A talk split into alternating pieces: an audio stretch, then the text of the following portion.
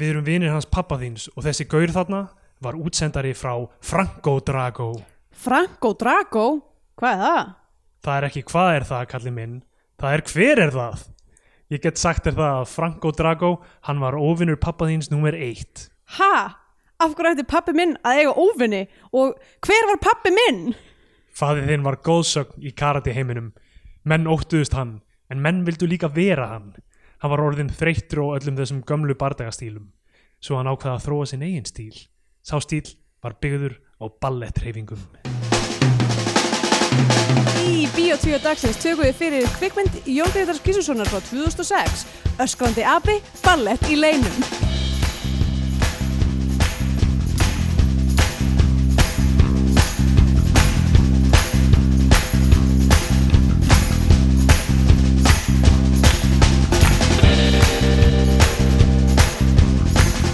Mm, Já, komið heil og sæl og velkomin í Bíó 2 hlaðvarpið um íslenska kvikmyndir. Ég heit Andrea Björk og ég er með mér er Stendur Gretar. Góðan daginn! Jæja, hvað segir þá? Ég segi bara gott Super riss. Alveg super hess, uh, maður er að tala um myndina sem er á allra mannavörum. Já, sem við það, við hefum verið bíðandi milli vonu svo óta hvort við getum nokkuð tíman. Þetta er, hún er sann sko, þessi titill, Já, v- þegar maður sá hana bara á listanum yfir íslenska kvikmyndir, einmitt. var svo tælandi að hann var alveg kortir í suðuminnina. Algjörlega, þú veist, maður verður að sjá þessa mynd, auðvitað verður maður að sjá þessa mynd.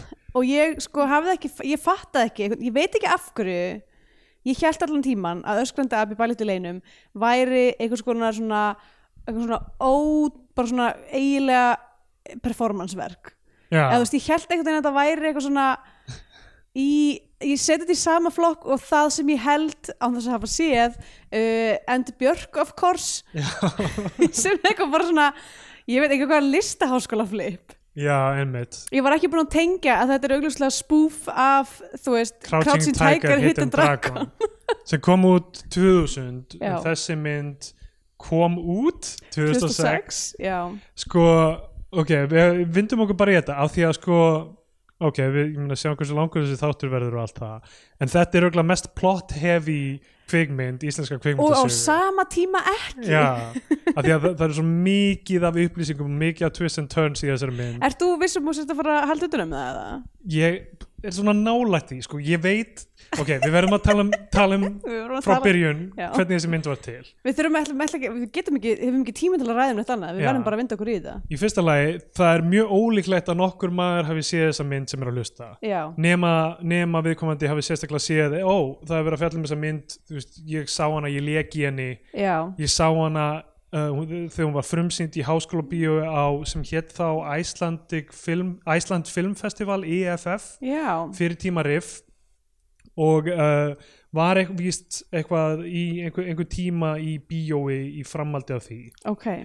uh, ég seti mig í samband við leikstjóran Mm -hmm. og framlegend og handilshöfund Jón Gretar Gissurarsson mhm. sem uh, hefur unnið við uh, ég veit ekki hvað hvort að við kvikmyndagerð eða, eða hann hefur eitthvað unnið í, við klippingu eða í sjónvarpi eða eitthvað þannig hann er Mm. alveg uh, hann starfar við cirka þetta að Ok, einhverju leiti ok.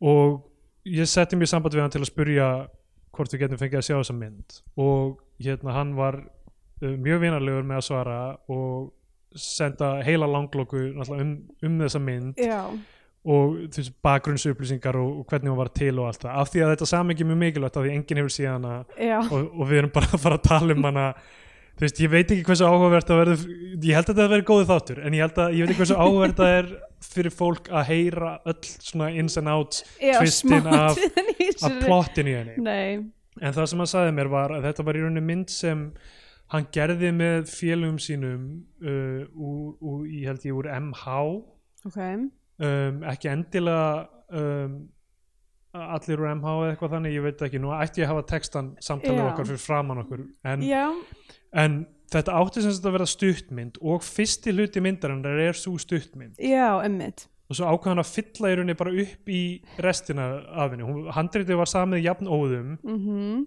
um, það var ekkert gert fyrirfram Nei, sem er í rauninni magnað af því að hvað er mikið af plott í þessari mynd já, sko. uh, en sem sagt, og running gags og já, callbacks algjörlega hún, þú veist, hún virðist í rauninni útugsuð, þetta er í rauninni heil heimur af, þetta er Já. svona cinematic universe Einmitt. þessi öskrandi abbi ballett í leinum heimur já, og hann segir, þú veist, tilgangur með myndinni var, þú veist, að gera kung fu mynd já, uh, og uh, greinlegt að einhverjir sem taka þátt í henni Eru- hafa einhverja reynslu af bardagalistum annarkort kung fu eða ballett eða bæði Já, eða, eða hérna, taekwondo, mikið af þessu tekju upp í Já. einhverjum svona taekwondo rými já, í fjölni í Já. einhverju taekwondo rými ég held, já, allavega er svona fjölnis fánuð þarna Einmitt.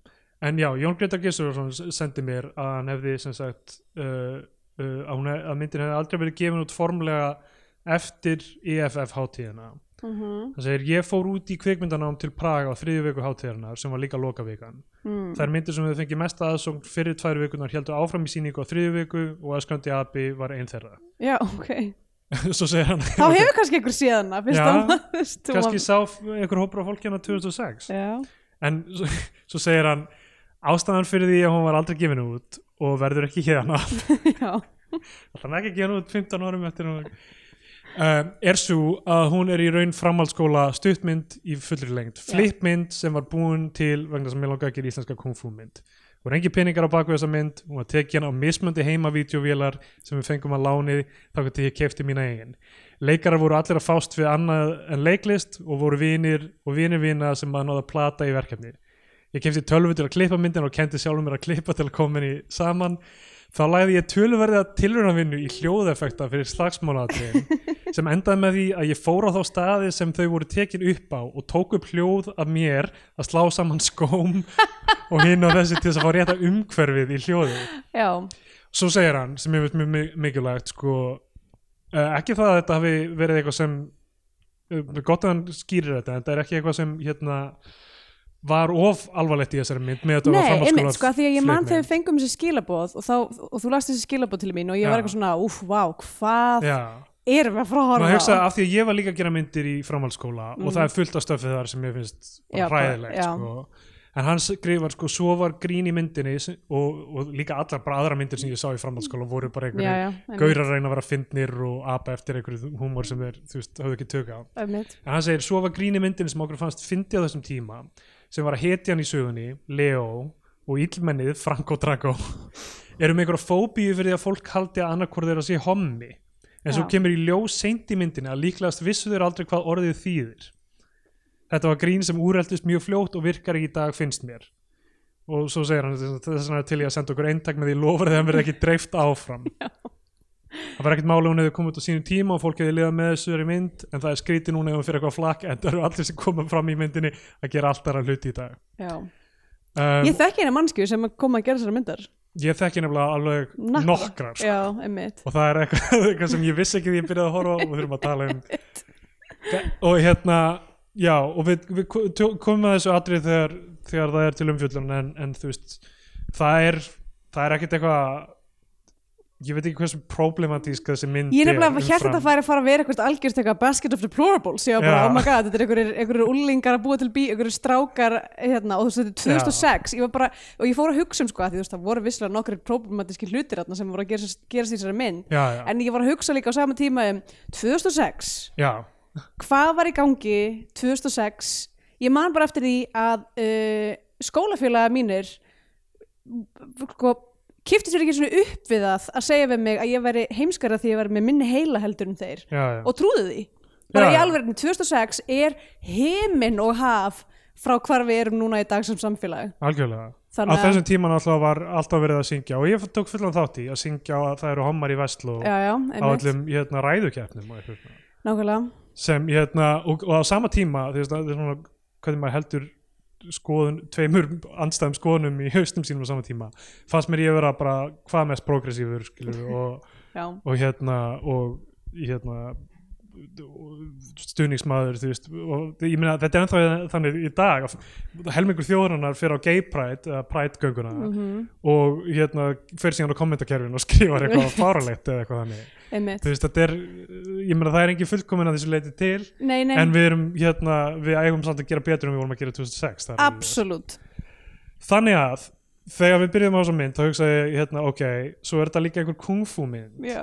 hvað er það Ég- að fara ég að gera var- við það dæmi? Ég var rosa mikið að búast við að það væri stóri problematíski parturinn. sko það sem ég finnst eiginlega fyrir utan hvað er mikið fyndið í þessari mynd Já, sko ég var ég kló Já, ógeðslega ógeðslega mikið Ég veit. Já, sko comic deliveryið á Já. sumum og líka bara hvernig þetta handrit, okkur var gott að vita að þetta handrit var skrifað jafnóðum Já, já. út af því að sko, þessu, lí, þessu margt ég hugsaði bara, ég skrifaði mér svo niður eitthvað, djöld var ég gaman að gera leiklestur á þessu handriti, já, bara sem eitthvað konsept, sko sko þarna alltaf að fá einhvern þá til þess að þú veist uh, skrifa upp Já, bara myndina því ég var sem þetta handrið sér til í Nei, einhverju formi en hérna um, en það, já, fyrir utan það að hún sé fyndið þá, kom, þá fannst mér eiginlega magnaðast svona worldbuildingi í þessu mm. því að þetta gerist í einhverju Íslandi þau tala aldrei um Íslandi en þetta þannig. nei, En ef þetta, ekki þú veist, þetta, tala, eða þú veist, þetta gerist í einhverjum heimi á Íslandi sem er það sem eru bara mismöndi gengi bardagalistar og mismöndi einhverjar pælingar með það Einmitt. og þú veist og þetta gerist á einhverjum ótrúlegum tímalínum líka og eitthvað þú veist, hún er sko þessum heila og ég veit ekki vissulega er hún kannski svolítið laug eða þú veist hún er náttúrulega með lengstu myndum sem við fjallum um, sko. ég myndi segja að hún er örglega í topp svona 10-15 allavega af því Og- hún er 105 mínútur já, einmitt, 106 mínútur held ég hún er alveg frekar laung sko en hérna einhver eh, framhaldsskóla stuttmynd sem var lengd í Já. fulla lengd, fulla lengd og endaði að vera þú veist, Já. lengri en bara fullt af einhverjum þú veist, myndum í fullri lengd sko. ég held þetta hljóta að vera svona þú veist að því náttúrulega þetta eru þeir eru beila eitthvað rúlingar á þessum tíma sem það Já, var að já. gera þessa mynd þannig að þú veist þetta er svona að þvílitinu til þess þeir eru ekki hann er ekki búin að fara í kvikmyndanáma á þessum tímapunkti nei, nei, það fór út Þannig að- í kaupmyndanum þetta er, þú veist, Þegar- eftir ég held hún var að, frumsýnd. að partur af galdarinu við þetta sé eitthvað svona átsettarart situation, bara það sem þú veist ekki þú veist, kannt ekki reglurnar þannig að Eh, þú veist ekki Algjörlega. þú veist, ég veit ekki, það er bara eitthvað, það er eitthvað beautiful við sumt á stöfnir sem gerist í þessari mynd algjörlega og hérna og bara þú veist, það er einhver hlýja kakvart þú veist, bardagalistum sem þú veist og, og þannig kvikmyndum þetta er Mm. náttúrulega eina íslenska bardagamyndir er það ekki? já, þannig sé ég já, þú veist, það er engin önnur slagsmálamynd, það er, þú veist, það er hægt að tala um hasarmyndir, en það er ekki hægt að tala um Já. eina sem gerir, gerir út á bardagalist, með neinum Einmitt. hætti. einmitt, í ykkur svona pjúra formi eða meira svona eitthvað, bara eitthvað Innstakasenur og eitthvað, þú Já. Mm. veist, þær hafa ekkert verið upp á marga fiska, held ég nei, Uh, þú veist, ég meina, það er hægt að tala um eitthvað undir trénu klímaksið eða eitthvað, þú veist, ég veit það já ekki. en það það er var ekki, þú einhver veist, vel það kóreografa atriði sko Já, en það, það er ekki sami hlutur, skil. þetta er bara Já. og ég- náttúrulega frábæra barða sem eru í Foxtrot algjörlega svo við skjótum því nú inn fullt af slagsmálum þar þú veist, ég, ég hef aldrei eitthvað svona kafað í þessa, þetta sjánra Nei, ekki heldur Já, ég hef ekkert hort á þessar þú veist, Bruce Lee myndir en eitt þannig, þú veist, ég hef hort á eitthvað og, og ég sá, sá Crouching Tiger Hidden Dragon held ég á sínum tíma Mhm. sem, sem er náttúrulega annað Kung Fu Hustle, mjög skemmtileg mynd, Já. mynd myndi mæla um henni, ef við erum að tala um gaman myndir sem eru slagsmálamyndir, þá er Kung Fu Hustle Mm. Mjög skemmtileg óborganleg um, Kemur hún fyrir út, hvernig kemur hún út? Það er spurning, hva, hún hlýtur að hafa komið út uh, já, tveimur árum áður en þetta kom út. Já, Ég veit ekki hvort það er kannski einhver smá einspá tenging sko, en, en það, þetta er náttúrulega hérna hva, hvaða, það, það Af er því að heita hún- eitthvað, það hún er- er vuxia þessar myndir, þú veist Já. eins og Crouching Tiger Hidden Dragon, uh, þessar slagsmálamyndir sko, Já, sem eru svona hetju bardagamyndir sem tengjast eitthvað inn í fantasy og eitthvað þannig. já en eru samt líka einhvern veginn búningadrama eða sérst Já, já. já, En þessi nú svona hún er ekki mynd jarðbundin en það, þau eru ekkert að reyna að láta fólk fljúa þú Nei, veist nei. slagsmálatriðin eru kannski bara ekki eh, með tæknina ekki, nei, ekki með tækni í það eða kli, klippi hæfileikana til að einhvern veginn Já En ok, uh, eigum við að byrja á að, að st, Já. erum við búin að tala nóg um bakgrunni þessar mynda Já, og þú veist við getum alveg leift okkur að taka einhverja útudúra í þessum þætti en Já. þú veist að, ég, ætla, ég ætla að reyna að gera tilraun til að uh, s- að söguþráðurinn make sense ég veit, ég, þú veist, ég veit ekki hvað vel að mun ganga Nei, af því að ég, þú veist ég held, ég held á tímpúndi að við, ég, sko, ok uh, að því að við opnum á, fyrsta seran er bara einhver maður Já. með hárköllu sem stendur einhvern veginn út í flæðamálinu eitthvað, einhver- út á strönd, Já. einhver roki og svona öskrar í sjóin, hver er ég? og svo Já. bara klift eitthvað annað svo klift yfir eftir 50 sekundur á myndinni Já. er klift yfir í annar kapli Já, og ég bara gá, wow, hvað er að gerast var þetta fyrsti kafli og, hérna, og, og þe þessi maður heitir Hrafn Stefánsson og tók þátt í sem sagt, semja söguna þú veist, hann er Mm. Já. einhvers konar meðmyndur ekki endilega handritunni en Einmitt. alltaf grunn hugmyndinni ég kynntist Hrafni Stefánssoni í hérna, stúdentpolitikinni í Háskóla Íslands já, ok uh, og hérna, kann, kann vel við hann ég hérna, hef ekki verið í samband við hann nýlega mm. en hann hérna var af því að ég vinn í blaðamennsku núna og vann í blaðamennsku á þessum tíma þegar ég var í stundapolítík líka eða, já, cirka og hann á þess, þessum tíma var framkvæmdastjóri Dominos á Íslandi já, hann bara fljótlega upp úr háskólanum bara var búin að einhvern veginn vinna þessu byggjum Dominos og var bara byrjaði sem yfir, sendill ég, ég, ég veit ekki nákvæmlega en það, það var einhver þannig, eitthvað þannig dæmi sko. Ok. ég man ekki hvort hann læriði eitthvað viðskiptfræði eitthvað þannig en Mm. hann varð bara yfir, yfir Dominos Ok. einhver reksastjóri eða eitthvað þannig og ég skrifaði frétt þegar ég var á fréttablaðinu sem ég finnst ennþá mjög fyndin uh, og fyrirsögnin var uh, segir uh, segir uh, Dominos múta bílastæðavörðum og þannig já, og það var sem sagt Dominos á skúlagötu uh, var hérna uh, áður en það flutti í- yfir götuna þú veist, einu Já, sem já, já. var það hérna, fjær sjónum og það var einhver íbúi í húsinu eða við húsinu við liðina sem s- ta- taldi sig sjá stöðumælaverði reglulega farin á Dominos og ganga út með fríar pítsur og tók síðan eftir því að bílar f- í stæðunum fyrir framann voru sektaðir nema þeir væru merti Dominos já, Dominos var að nota stæði sem voru ekki þeirra þú veist, enga stæði og eitthvað þannig af því að sendlar voru að koma frá og tilbaka já og hann sagði bara, ég, ég er bara vissum að Dominos er bara að múta bílastæðvörðum þannig að sé ekki að sekta bílana ok, og ég, t- ég tók viðtal við við Rapp sem var það rekstastjóri Dominos og hann alltaf þvertók fyrir þetta Já. hann er ekki að múta, múta bílastæðvörðum og ég hringdi í formann bílastæðasjóðs já sem gaf mér kvótið ég borða ekki einu sinni Dominos pizza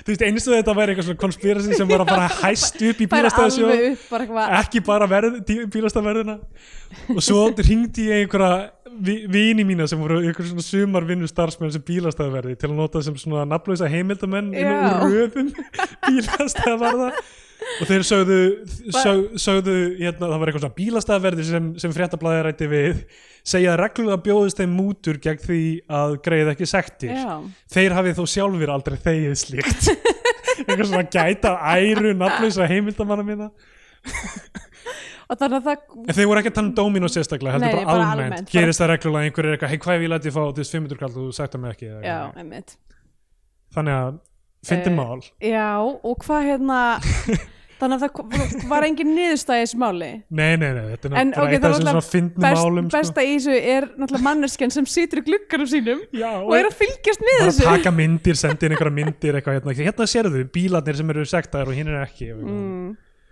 allavega, hérna, fyndi mál. En hérna, ég hef ekki verið mikið í samskiptu við Hrafn síðan. Nei. Ég Veit ekki alveg hvað hann er að gera í dag. En Einmitt. hann er náttúrulega potturinn og pannan í þessari mynd. Já. Hann leikur fjórar personur, fjóra ættliði af hið mönnum minnsta sem heita eitthvað hérna Leo og Feo, Feo og svo Theo og Deo held Seo. ég. Deo og Seo held ég.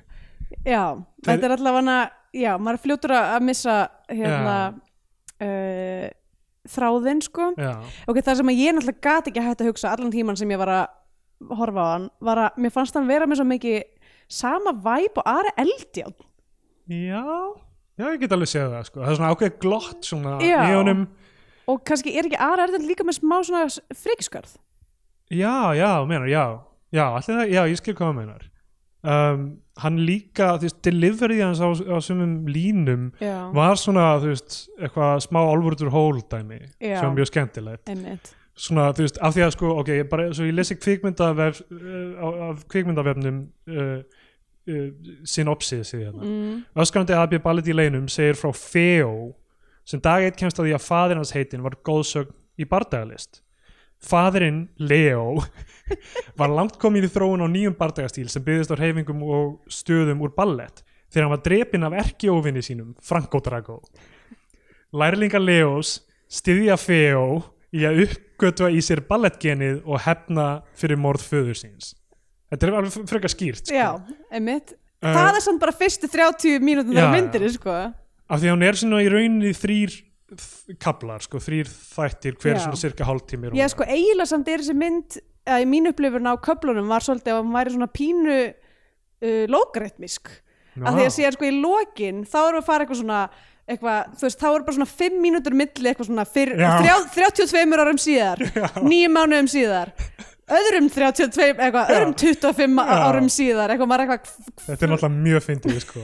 Ok, byrjum við þetta Það eru einhver átök í bílakjallara það sem, sem sagt, uh, þessir vinir Leós föður sinn sem er dáin grípa mm Mhm. Já. það sem hann er orðin þú veist, 20 og eitthvað smá eða Já. hvað hann er eða eitthvað já, og náttúrulega kannski 19 best að ára eða nefna eitthvað. að það eru bara eitthvað svona 5 leikarar sem að leika öll að hlutverkin, leika bara aftur og aftur og þeir eiga allir að vera þú veist, það eru allir jafn gamlir Já,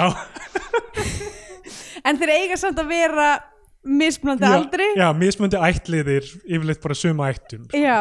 og stundum er að setja upp hárkollu til að sína stundum setja upp hárkollu en samt sko ekki er, er ekki með eitthvað svona gamla kalla make-up eða Nei, það nei, er nei. ekkert smink í þessari mynd sko ekki eins og líkamspurði þess að vera neitt eldri Þeir Já. eru Nei, bara- nákvæmlega, það er einhver svona veruleiki í þessari mynd sem er mjög fyndi já, það sem að þeir eru all, alltaf allir jafn gamlir en uh, já, það er bara ekki það er ekki, nefn nei, nei. þeir grípa sem þetta Feo og segja honum herðu, hérna, pappiðin, allt þetta dæmi Mhm. það kemur flashback í pappan þar sem hann er drepinn af Franco Drago sem er sem sagt bara einhver annar gaur uh, og hérna og hann er bara, ó, ég vissi aldrei hver pappi minn var eitthvað, vitið þá hver mamma mín er líka ég vissi það aldrei Já. og þeir segja eitthvað, mamma þín, erum við ekki að tala um pappa þér hérna og þá bara er það útrætt, geðveit lengi og ég held að þetta væri bara svona throw of joke nei, nei, þetta er eitthvað sem er bara heil mítología í kringum hver mamma hans var líka í myndinni oh my god ég, alveg, ég held Ég, ég sko, hafi ég horfði á þetta í gær og ég er núna ennþá ég bara að fá flashback í bara eitthvað, oh my god, já þetta dæmi þau eru að ríða í pappakassanum Já. eitthvað,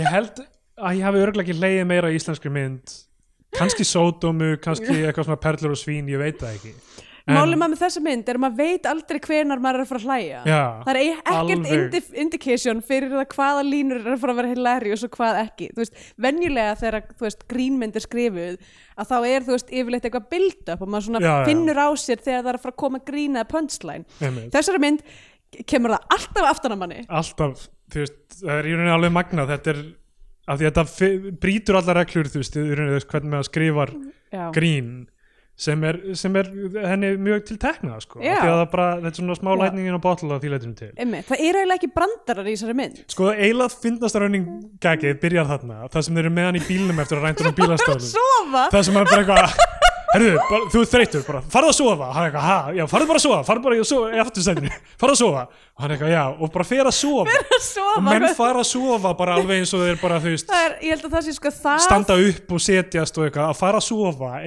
er bara eitthvað, bara mjög langt ráninga sem ég kveikti eiginlega ekki á fyrir henni miðri myndi og bara, þetta er hlutur sem þeir eru að gera viljandi þetta er ógeðslega fyndið þegar þeir eru alltaf bara það eitthvað, er eitthvað svona Herru, ég ætla bara að fara að sig einhvern sofa. jakka sko það og þú veist hvernig þeir segja alltaf eitthvað svona ef við ekki bara fara þá og gera þetta já, já og svo, svo er alltaf svona establishing sko það sem er eitthvað svona labbi í burtu herðu, ég ætla að fara bara að tala við hann núna þá fer að, fer að gera, og gera svo það fara þeir að gera það Þetta er svo fyndið líka af því að pældi í hvað það er fyndið að fara að sofa í raunni og fara að sofa algjörlega úr samhengi við eitthvað svona dag og nótt Já.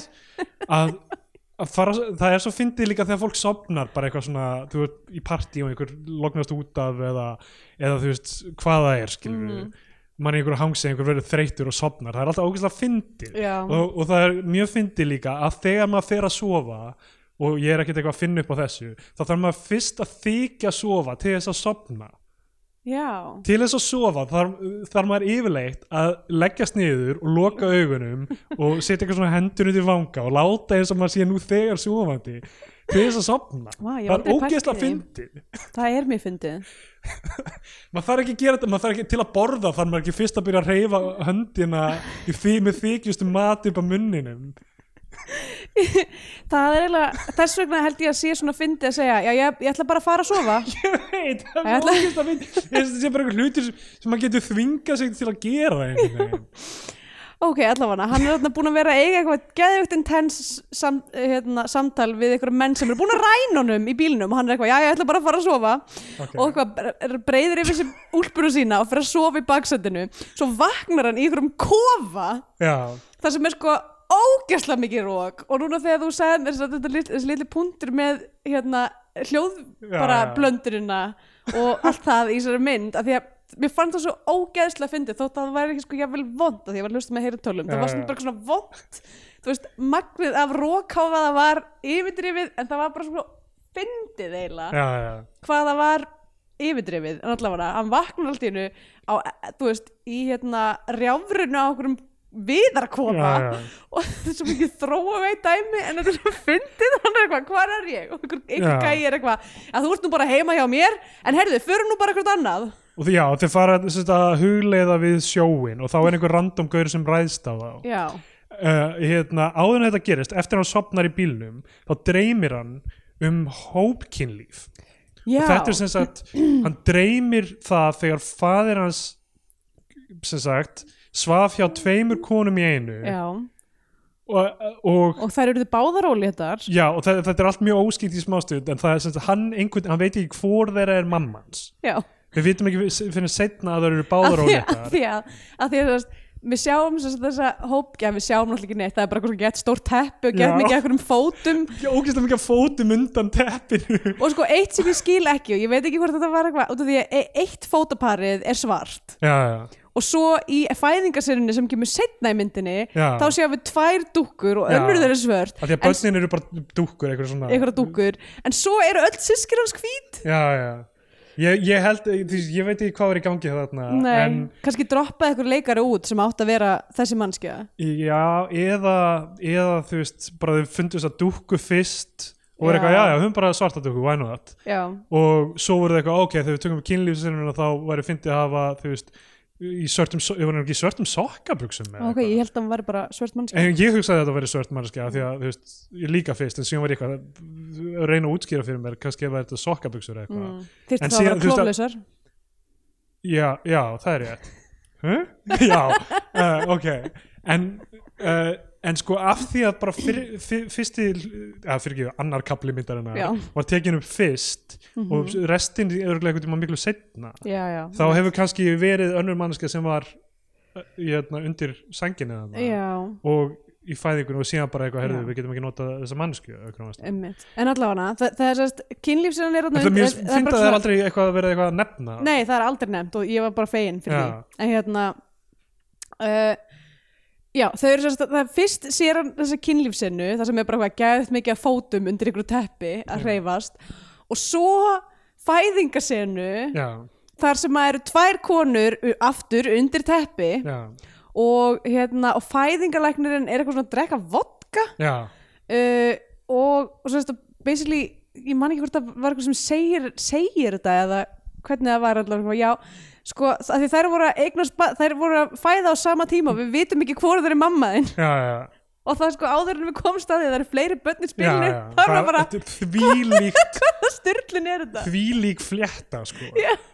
og svo, svo fyndi þetta hafi verið skrifað bara á hlaupum hann fer á bókasafn til þess að leita upplýsingum föður sinn og hvernig hann segir hann alltaf bóksafnið í öskra hlátur sko hann er eitthvað herðu, en hann, er eitthvað svona, hann kildur í magan já, þarna þau eru Já, að einmitt, já, já. hugleiða og, og hingæin er eitthvað eitthva, er alltaf læg með hann eitthvað, já, en ég verða að fara á bókasafni þar þekki ég alla, þar ólst ég upp já, sko ég veit ekki hvað hann að fyndið en Þetta er náttúrulega mjög fyndið og ég, þú veist, ég held að það sé að vera að kommenta á svona exposition delivery í svona Já. Mhm. kungfúmyndum og hvað er mikið svona ég þarf að hefna fyrir míns þú veist, eitthvað svona skrítin fjölskyldu þú veist, eitthvað Já. svona heiður og eitthvað þannig einmitt, og um, hann sem sagt fyrir á bókasafni við tökum eftir því á bókasafninu það stendur eitthvað svona ég man ekki nákvæmlega hvað stendur utan á því en sta flesti stafinir í orðinu bókasafn eru dottnir af af húsinu Já, ok. okay. það stendur bara bönnum og tómstundar hús, veist, Hús, hús eða eitthvað þannig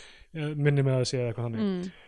en setna í myndinu þegar er greinilega búið að taka um meira þá Já, eru það- búið að laga það- búið að stafina laga stafina ákveð bara að vera með annað en stafli Já. sem sko, bara hvað, já, tími hefur En, liðið já, já, eða það sé í fortíðinni og þessi Einmitt. áður en stafinni detta út eða eitthvað þannig, en þetta er ógæslega fyndið allt saman um, hann hittir þar á bókastafni um-" konu sem heitir Susi og hann er bara, já, ég er eitthvað að leita upplýsingum hann er eitthvað, já, herðu, hérna, ert þú ekki hérna uh, Feo, sonur Leo hérna, eitthvað sem var drepinn og eitthvað svona, hún bara, ja- hann bara eitthvað, já, já drepinn af Franco Drago, hann bara eitthvað, hvernig veist þú þetta allt saman, bara, já, eitthvað, já.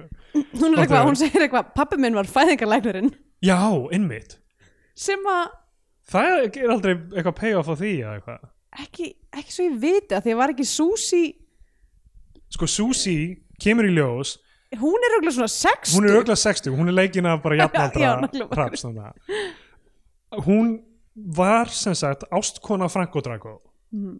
kemur í ljós setna í myndinni og uh, sem síðan nema þetta sé önnur nei, nei, þetta, annar þetta, er ráð, bara, þetta er sama Susi þetta er bara sama Susie já, já, sko. ok. því að það er dæmið og síðan byrjar hún með sem sagt Feo uh, sem er sonur Leo já. og var ekki fættur þegar uh, Leo var drepinn held ég já, já, þannig að, hérna, þannig, að, Mm, einmitt þannig, að, hú- já, þannig að þú veist hún þekkti Leo líka Mm. föður hans svolítið svona eins og Star Wars situation já, eitthvað þannig það var bara að gerast nánast á sama tíma og hann verður ástfangin af því strax og það er bara, þú veist, bara augljóslega þau bara augljóslega verða ástfangin um, og uh, hann sem sagt hittir allt gengið í gymminu og það kemur svona montage, montage það sem þeir eru að æfa bardagalisti Já, og við erum búin að sjá sko smá svona glimps af þessum ballettstíl sem Já. að Leo föður hans hafði verið að stunda og hann er bara f- með gott form Mm, já. sko, svaka dansara svona háar ristir það er mitt, hann hefur glæft þetta Já, og uh, það er mjög fyndin tónlistin það er alltaf sama tónlistin um öllu montage sem er rosalega eitthvað generic já en svo, er- þú, veist, svo er líka en svo er inn á milli er, og þetta er náttúrulega t- y- y- yfir umsjón uh, tónlistarupptöku Já. er í höndum uh, Magnúsar Inga Trimbils, Já, trómara sem að er sem að einmitt eitthvað, ég eh, bara þurfti að kalla Jónin bara eitthvað, Jón, er þetta ekki Maggi sem að bjó með okkur í San Francisco já, já, að hann, hann alltaf stopnaði fyrirtæki með Jóni Einmitt. kærastanum mínum og hérna, og við byggum svo stöll á sama tíma í San Francisco og ég held að hann býr mögulegar ennþá, jú, ætli já hann gerir það ekki jú. síðust yfir sig um, allafana, hann sem sagt sér um þessa eh, hljóð upptöku en ég held að ásamt hljómsveitinni Sexy Jazz já, sex sex tala sex í Star- í jazz jazz, sexy jazz og byrju Jón Greitar semur líka já, eitthvað og af það er sem tónlistinni sagt eitthvað svona Já. a cappella tónlist Já, þetta er náttúrulega tveimur árum eftir að Medulla kemur út Já. en Mjög- Björk of course en til Björk of course og þannig að það, er- það er, þetta er svona en þú veist, ég veit ekki hvort að, ég veit ekki hvort að beatboxing og eitthvað svona looping var bara ógæslega heitt á þessum tíma eða eitthvað Já, já. en allavega, þetta er allt svona, þetta er svona uh, hljómaður rosa mikið eins og hérna raunar ekkert sérstaklega mikið eins og Björk af því að ég meina, enginn getur gert það Björk almennilega nema Björk um, heldur meira svolítið eins og hérna Bodenstandig 2000 sem að fe famously þýska hljómsveitin sem að var innspóið fyrir medulu já, ok uh, sem að ég mælu með að allir hlusta á uh, gerðu frábær plötu sem heitir um, nú er ég búin að gleyma því, jæja þú flættir upp meðan, meðan við förum áfram með sögutræðin já, þeir sem þetta er að æfa uh, bardagalistir og já, Já. uh, já hann hérna hann, hann, drey, hann dreymir Susi líka, það er rosalega mikið að draumum mikið að draumalogík í þessu Herðu, hún heitir náttúrulega augljóslega Maxi German Rave Blast Hits Dry eh, Skal segja þetta aftur Maxi German Rave Blast Hits Dry já, já.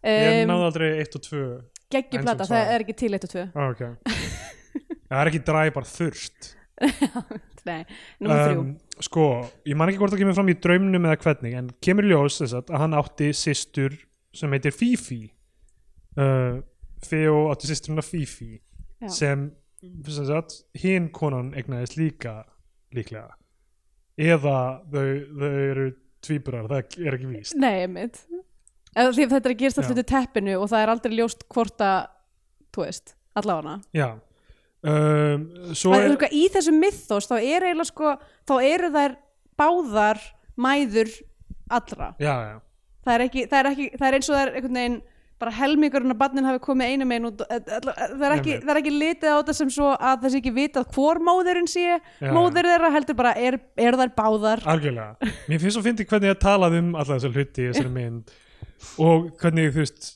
uh, hef, hef, þetta hefði getað orðið svo miklu verra með því að fara eitthvað þú veist uh, þú veist, já, einhvern veginn pota meira í hlutina og hversu sk- skrítið og, tongue, og vera eitthvað tongue in cheek með hversu flipa þetta er allt saman Já. þetta er bara einhvern svona mjög hreinskilinslega er weird og og það er ekkert verið að tala um það já, um, og sem sagt það er á sér stað bardagið þarna milli gengjana um, uh, sem sagt Frank og Drago gengi sinns Já. og þessir vinir hérna Leo sem Theo er komin í, í lið með mhm, um, og það þetta er einna mörg ég er smábyrjar að gleyma stra- ég var að horfa á hana rétt á þann ég er smábyrjar að gleyma strax nákvæmlega hvaða bardagi hafði hvaða þýðingu já, um, en uh, í, ég held að í samingi við hann kemur í ljós sem sagt að Susi er fyrirhandi kærasta Franco og svo kemur fljótt í ljós að til þess að mastera þennan stíl já, Susi er fyrrverandi kærst já fyrirhandi kærasta Franco ja. uh,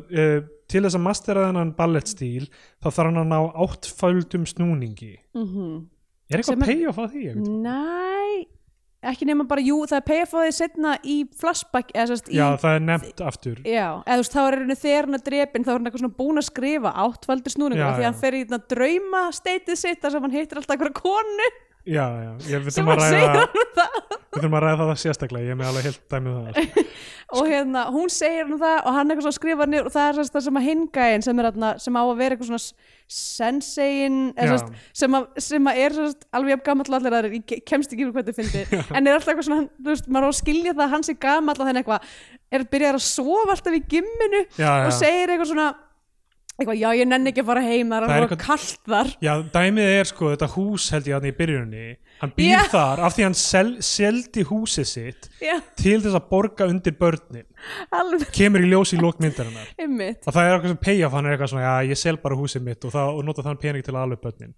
einmitt, af því að fyrr í þ- tímalínunni þetta er, svo, þetta er, þetta er náttúrulega meir, þessi mynd er meira ruglandi heldur en memento Já, um, af því í- í fyrr í eld gömlu tímalínunni þá er hann eitthvað svona se, se, á ein- einu, einu treiningmonta sem segir hann við Leo held ég, eitthvað Já, svona já. herru ég, var að fara- ég ætla að fara að fara að kaupa hús já. eða fóldra minn eru þeir eru mjög ríkir, þetta mjög er hérna- að kaupa hús fyrir það Kaupa hús. Það er heil, heil einhver örk fyrir þennan gaur þar sem hann uh, verður þá er hann með er vel, já, afró hann er velstöndur síðan fórnar hann í öllu fyrir börn, uh, látum sem vinur síns já, og er síðan bara eitthvað svona já, ég bara sef þá bara í er húsinu, gymminu eða húsinu sem þú veist er vindur í stanslaust og eitthvað þetta er alveg ómöðulegt dæmi hjá hann sko, uh, loksins mætast Franco það er svo Drago fyndi hvað er líka þetta er allt svo illa leikið og það er bara sko stundum og ég, hérna, ég man eftir sko, þegar ég var að taka upp myndir á sama aldri Mhm. að stundum viljandi fannst mér deliveryið svo mishefnað hjá fólki að ég var bara eitthvað, ég verð að nota þess að tökum það er ofyndið Mhm. Já. að hann hafi einmitt, högt á þessu orði einmitt. uh, greinilega að reyna að muna línuna sína í miðju kafi og síðan eitthvað svona Og það þú er sér svona eiginlega sko- augnablik af einhverjum svona fright í augunum Já, einmitt. og það er eiginlega sko masterclass í nákvæmlega þessu sem Já. gerist í miðri myndinni þegar, Ó, að- já, já. þegar það kemur einhver- Monólogurinn. í monologurinn já, ég veit, við komum á honum sko, og þetta er svo oft það sem er, þú veist, ég veit ekki hvort ein taka eða bara, þú veist, þau hafa bara það er fyndar að nota tökuna sem þeim sem ég mismælir sig eða, þú veist er ekki alveg þú veist, ekki, þú veist, ég, meina, þú- ég er ekki með kröfur með að þetta séu eitthvað góði leikarar þau eru bara að hafa gaman að já þessu einmitt, nei, nei, sko, en, nefnilega- en, en að, að, þú veist, að leifa sér að vera ekki fullkomnuna sinnar einhvern veginn með einmitt Nei, þú veist, Línurnar. mér fannst það algjörlega bara, þú veist, bæta á, mér fannst það bara bæta myndina. Ég var bara, ég var mega til í já, þetta. Þú veist, ef fólk hefði verið eitthvað að reyna að leika, já. það hefði ekki, held ég, verið jafn nett. Um, Og það er, þú veist, út af því hvernig handir þetta er, ég hvernig upplega, þú veist, þeir eru svo mikið eitthvað svona, þeir eru svo miklu setni myndinni þegar við erum komin, ég veit ekki, 50 ára fram með tíman eða eitthvað, um, að þá eitthvað svona er uh, gæ, leik, gæin sem leikur Franko Drago, já, uh, einhvers þar út á túnni bara að gera okkur bardagalistir og gæinn sem leikur Leo Theo, ég man man ekki nákvæmlega hver það var, svona kemur og segir bara svona ógeðslega þú veist bara svona flattir lifir eitthvað svona hvað er þetta að gera? Hvað, hvað, læra bardagalistir eitthvað, já, er, er, það, er það eitthvað? Þú kenna mér? Eitthvað, það er bara svo párálega fyndið já, já, það er mjög fyndið ok, ég náttúrulega var bara átt að með á einu núna Já, Einar Karl Axelsson sem leikur Franko Drago mhm, er uh, maður sem ég veit að hver, hver er í, í daldum tíma af því að t- tveir eða fleiri vinnir mín bara swear by him sem einhvern besta svona gúrú í svona uh, líkama og svona þú veist, líkams uh, eimslum og burði og, og Já. þjálfa upp einhver svona stóðke, stóðkerfisvandamál og eitthvað þannig ok kennir fólki æfingar á bara, þú veist, ó, þú ert hérna, þeir eru illt í bakinu það er líklega þú veist af því að öklinn þinn er hakkaður þú verður að gera, gera einhverja æfingar til að styrkja hann og einhverja svona styrtaræfingar Já. og, og núna bara að googla hann þá bara finn ég Instagramið hann það sem hann er basically karakterinn sinn úr öskandi að pippaleti leinum hann er alltaf bera ofan og er í bara einhverjum jóka og einhverjum tegjustellingum og Vá. á, á stendur á höndum og er að gera einhverja Það verður að segja þessu er sko að þessar barndasinnir eru, þú veist, það hefur verið, verið geðveitt gaman að koreografa þær og Algjörlega. það er mjög ljóst að þeir eru skemmt sér vel og þær eru bara oft mjög skemmtilegar Já, stundum er þau bara eitthvað hlaupa á veggjum, þú Já. veist, eitthvað spinna í eitt vegg yfir í annan og síðan Einmitt. sparka og stundum er þau mjög fyndnar Já, stundum er þau að gera einhverja, þú veist sérstaklega þegar hann er að læra og gengur ekki nógu vel að sparka nógu hátt og þeir eru eitthvað svona, hann er alltaf eitthvað að nutta rassin, stundum er einhverja tegjur þar sem hann er, að- þú veist eru eitthvað svona hjákátlegar svona Já. sem hann er lélugur í þetta er allt mjög gaman um, allavega, ég, hérna, ég var einmitt að hugsa með að hafa sambandið hennar Einar Karl af því að ég er að glíma við það einhvern nýjameðsl og fór Mhm. í, í MRI hérna, já, það er þú veist ok, ég veit ekki hvað tím, tímanum líður núna það hefur verið sumarið 2019 ok Jesus, er svona langt síðan já, það var vel, fyr- það var örgulega um sumarið eða haustið fyrir hérna COVID Já, og fór ég MRI og allt saman sko, og, það, og það bara, það er ekkert aðan hénu þú veist líklega er þetta eitthvað svona eitthvað smá bólga, fór í sjúkra þjálfun sjúkra nutt og eitthvað þannig og er bara ennþá slæmur sko ég, ég, na, þú veist, alltaf því ég fyrir að hlaupa þá vestnar og eitthvað þannig, og ennþá líka að berast fyrir réttundum uh, feðra í tálmun og, og svona ímislegt þannig hverju var ég að missa af núna í því sem ég sagði Men's Rights Activists, MRI Æja, Eh, þarna dó það það er MRI Ó, já, það er rétt uh, MRI er svona ég man ekki hvað þetta heitir uh, uh, á íslensku eitthvað svona skanni en þú veist ég líka þú veist náttúrulega að berjast fyrir réttindum feðra. uh, Herðu, við magne slum bara að gleyma þessu Mm, Magnetic Resonance Imaging ég man ekki hvað þetta heitir Hvernig var að fara inn svona túbuna? ógeðslega hávært Oh, þetta er bara gong, gong, gong, gong ógeðslega klikkað sko Úf, maður náttúrulega ekki að hreyfa sig og eitthvað svona en allavega, ég, hérna, ég held að þetta sé af því að ökli minn er fucked up sérstaklega eftir því að ég var að skeita sem unglingur og var alltaf að snúa öklan og svona og hef gert það mikið í körfubólta síðan og síðast þegar ég snýra hann þá var það ré- rétt áður en ég var að fara í, í frí til krítar já, og var bara eitthvað, ég ætla ekki á spítala þetta er örugla bara slæm, uh, bara Já. ítla tognaður ég bara verið með tegjusokk og ég vissulega, þú veist, gatt labbað bara daginn eftir og eitthvað einmitt en ég held að eitthvað meira hafi gerst þá. Ég er sko með sömu sögu að segja Ég snýri mig hræðilega og ökla daginn áður en ég var að fara til Guadalupe í Karbahafanu og var Mm. bara eitthvað, jæja, ég bara ekki, læ- ekki bóðlegt að f- sleppa því að fara þú veist. einmitt, þannig að ég bara, þú veist, lit mig hafa það og ég er beisli bara þessi ökli ég get mjög tæplega verið í hálum sko Já. Þannig að hann þú er, veit, er eiginlega að gjalda, maður er að gjalda fyrir þetta restina af lífinu mögulega. um, en þá finnst mér að hafa þess verið þetta var mjög gott frí já, en hérna uh, bara ég ætti að láta Einar Karl kíkja á þetta eða þú veist ég, já, Heyrðu, svo fara náttúrulega þetta með einhvers annars við erum búin að gleym- læknis við erum þessi líka þýsku búin að- læknar náttúrulega, hann skrifaði upp á þú veist, nálastungu fyrir mig sko, þú veist, já, einmitt líka, sem ég fór í nokkra tíma í og var eitthvað sem að ég meina samkvæmt þessari mynd á eftir kannski að, þú veist, nei, Já. kannski ekki samkvæmt þessari mynd en þú veist, samkvæmt uh, bakgrunni þessar myndar já, ætti ég einmitt, kannski sko. að mætti skoða. kannski íhuga það herði, náttúrulega við erum búin að gleyma nefna það líka að Kill Bill kom á 2003 já, Um, einmitt, það og meikar sens þetta er svona kannski bara, það er smá þessi stemming er svolítið grassirandi en þú veist, þetta er ekkert eins og þetta Tarantino vibe Þa, Nei, þetta er svo nei. einlegt og krútlegt allt saman einhvern já sko, n- það kemur moment þarna í rauninni þegar stuttmyndin er búin já, og þarna og það kemur eitthvað svona, það er eitthvað svona female assassin sem að já, já, mætir við erum að verða komin að þeim kabla Já. Sem sagt, f- þeir, þeir berjast þarna þessi tveir hópar Franco vinnur bardagan og segir ballettir fyrir homma já, en svo Mhm. kemur sem sagt Fifi uh, sem greinlega er búin að vera sem sagt, sýstir Feo sem er búin að vera líka að æfa sig í balletnum já, og það er búið að kynna hana fyrir okkur áður Já. þar sem hún er bara svona kynnt eitthvað svona, heyrðu, þetta er sýsti, hún Fifi og hann er eitthvað, já, hvað, ert þú líka, ge- þú veist, ert þú líka með ballettgenið? Hún er eitthvað, nei, nei, ég er bara búin að vera að hlusta á Britney Já, það er svo fyndi lína og hann er eitthvað, ok, herru, við heyrum setna en svo kemur í ljós og hún er með ballettgenni líka þau Já. Mhm. taka höndu saman, sigrast á Franco Drago og uh, hérna ha- hann og Susi eru mjög hamingjusum í fimm ár já, þau sem sagt eru við sjáum bara skota þeim hamingjusum hingað og þangað Já, þau eru þau eitthvað fyrir í svona valhoppa kottaslag fara í kottaslag inn í eitthvað svona svefnherbergi Mhm. og er í svona harkalegi kottaslag að hann dettur út um glugga Já, og það er eitthvað svona ha ha ha ha svo bara fimm árum síðar og já, og þau eru bara eitthvað út að labba þau eru út að labba og Nei, byrju, þá fyrst- er klift í þriðji kapli mm, Já, um, eftir að það kemur fimm árum síðar þau eru út að labba og svo kemur þriðji kapli já, emmitt um, sem sagt á mínútu 32 þannig að þetta er þau er cirka hálftími Emmitt og þá er sem sagt einhver kona er það ekki kona sem kall- nei það, Jú, það Jú. sést í, í gimminu já, er eh, einhver, Ó. ko einhver kona hún heitir eitthvað klikkað ég maður ekki eitthvað, Eh. uh, eitthvað fe- fe- Theodosia eða eitthvað, eitthvað svona Já, uh, og hún er sérst með svona, hún er með svona, svona paddit svona slagsmálagrímu já, já, um, þannig að sérst ekki almennilega andlita á henni já. og uh, gæin sem er í uh, gimminu Já, sem, sem er hérna einn af- Jón, Jón Gretar leikur sjálfur leikstjórinn. Aha, já, já, það er hann, held ok, Um, ok ég.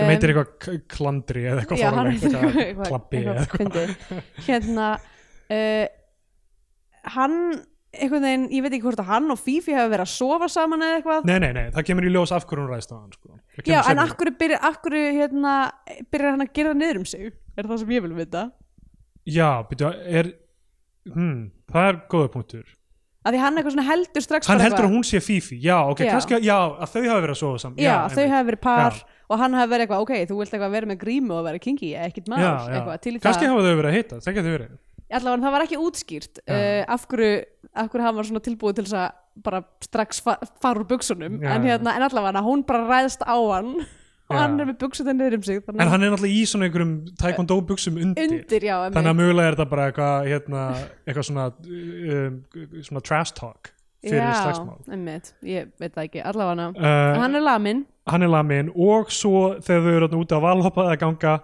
þá uh, fer hann að pissa já Fer og segir hann er náttúrulega fyrst áður áður en hann fyrir að pissa herru, ég ætla, ég ætla, ætla að fara að pissa uh, hérna, þú, þú býður bara hér Já, það er alltaf eitthvað svona, þú býður bara hér, þú býður bara í bílnum, það er eitthvað svona, hún, hún af sest hverju ferð þú ekki bara inn í húsið Já, hún sest bara á back og þá kastar sem sagt þessi sama grímuklæta kona prjóni í Susi og já, í drepur hana. hálsin á henni og drepur hana Já, svo fer uh, hérna F- Feo sem sagt, aftur í gymmið og þar er hérna klandrið eða hvað hann heitir eitthvað svona ah, fæ, það var eitthvað konar sem reðst að mig og hann eitthvað, hm, ætli þetta tengist kannski morðinu á Susi hann eitthvað, hæ, er Susi döið?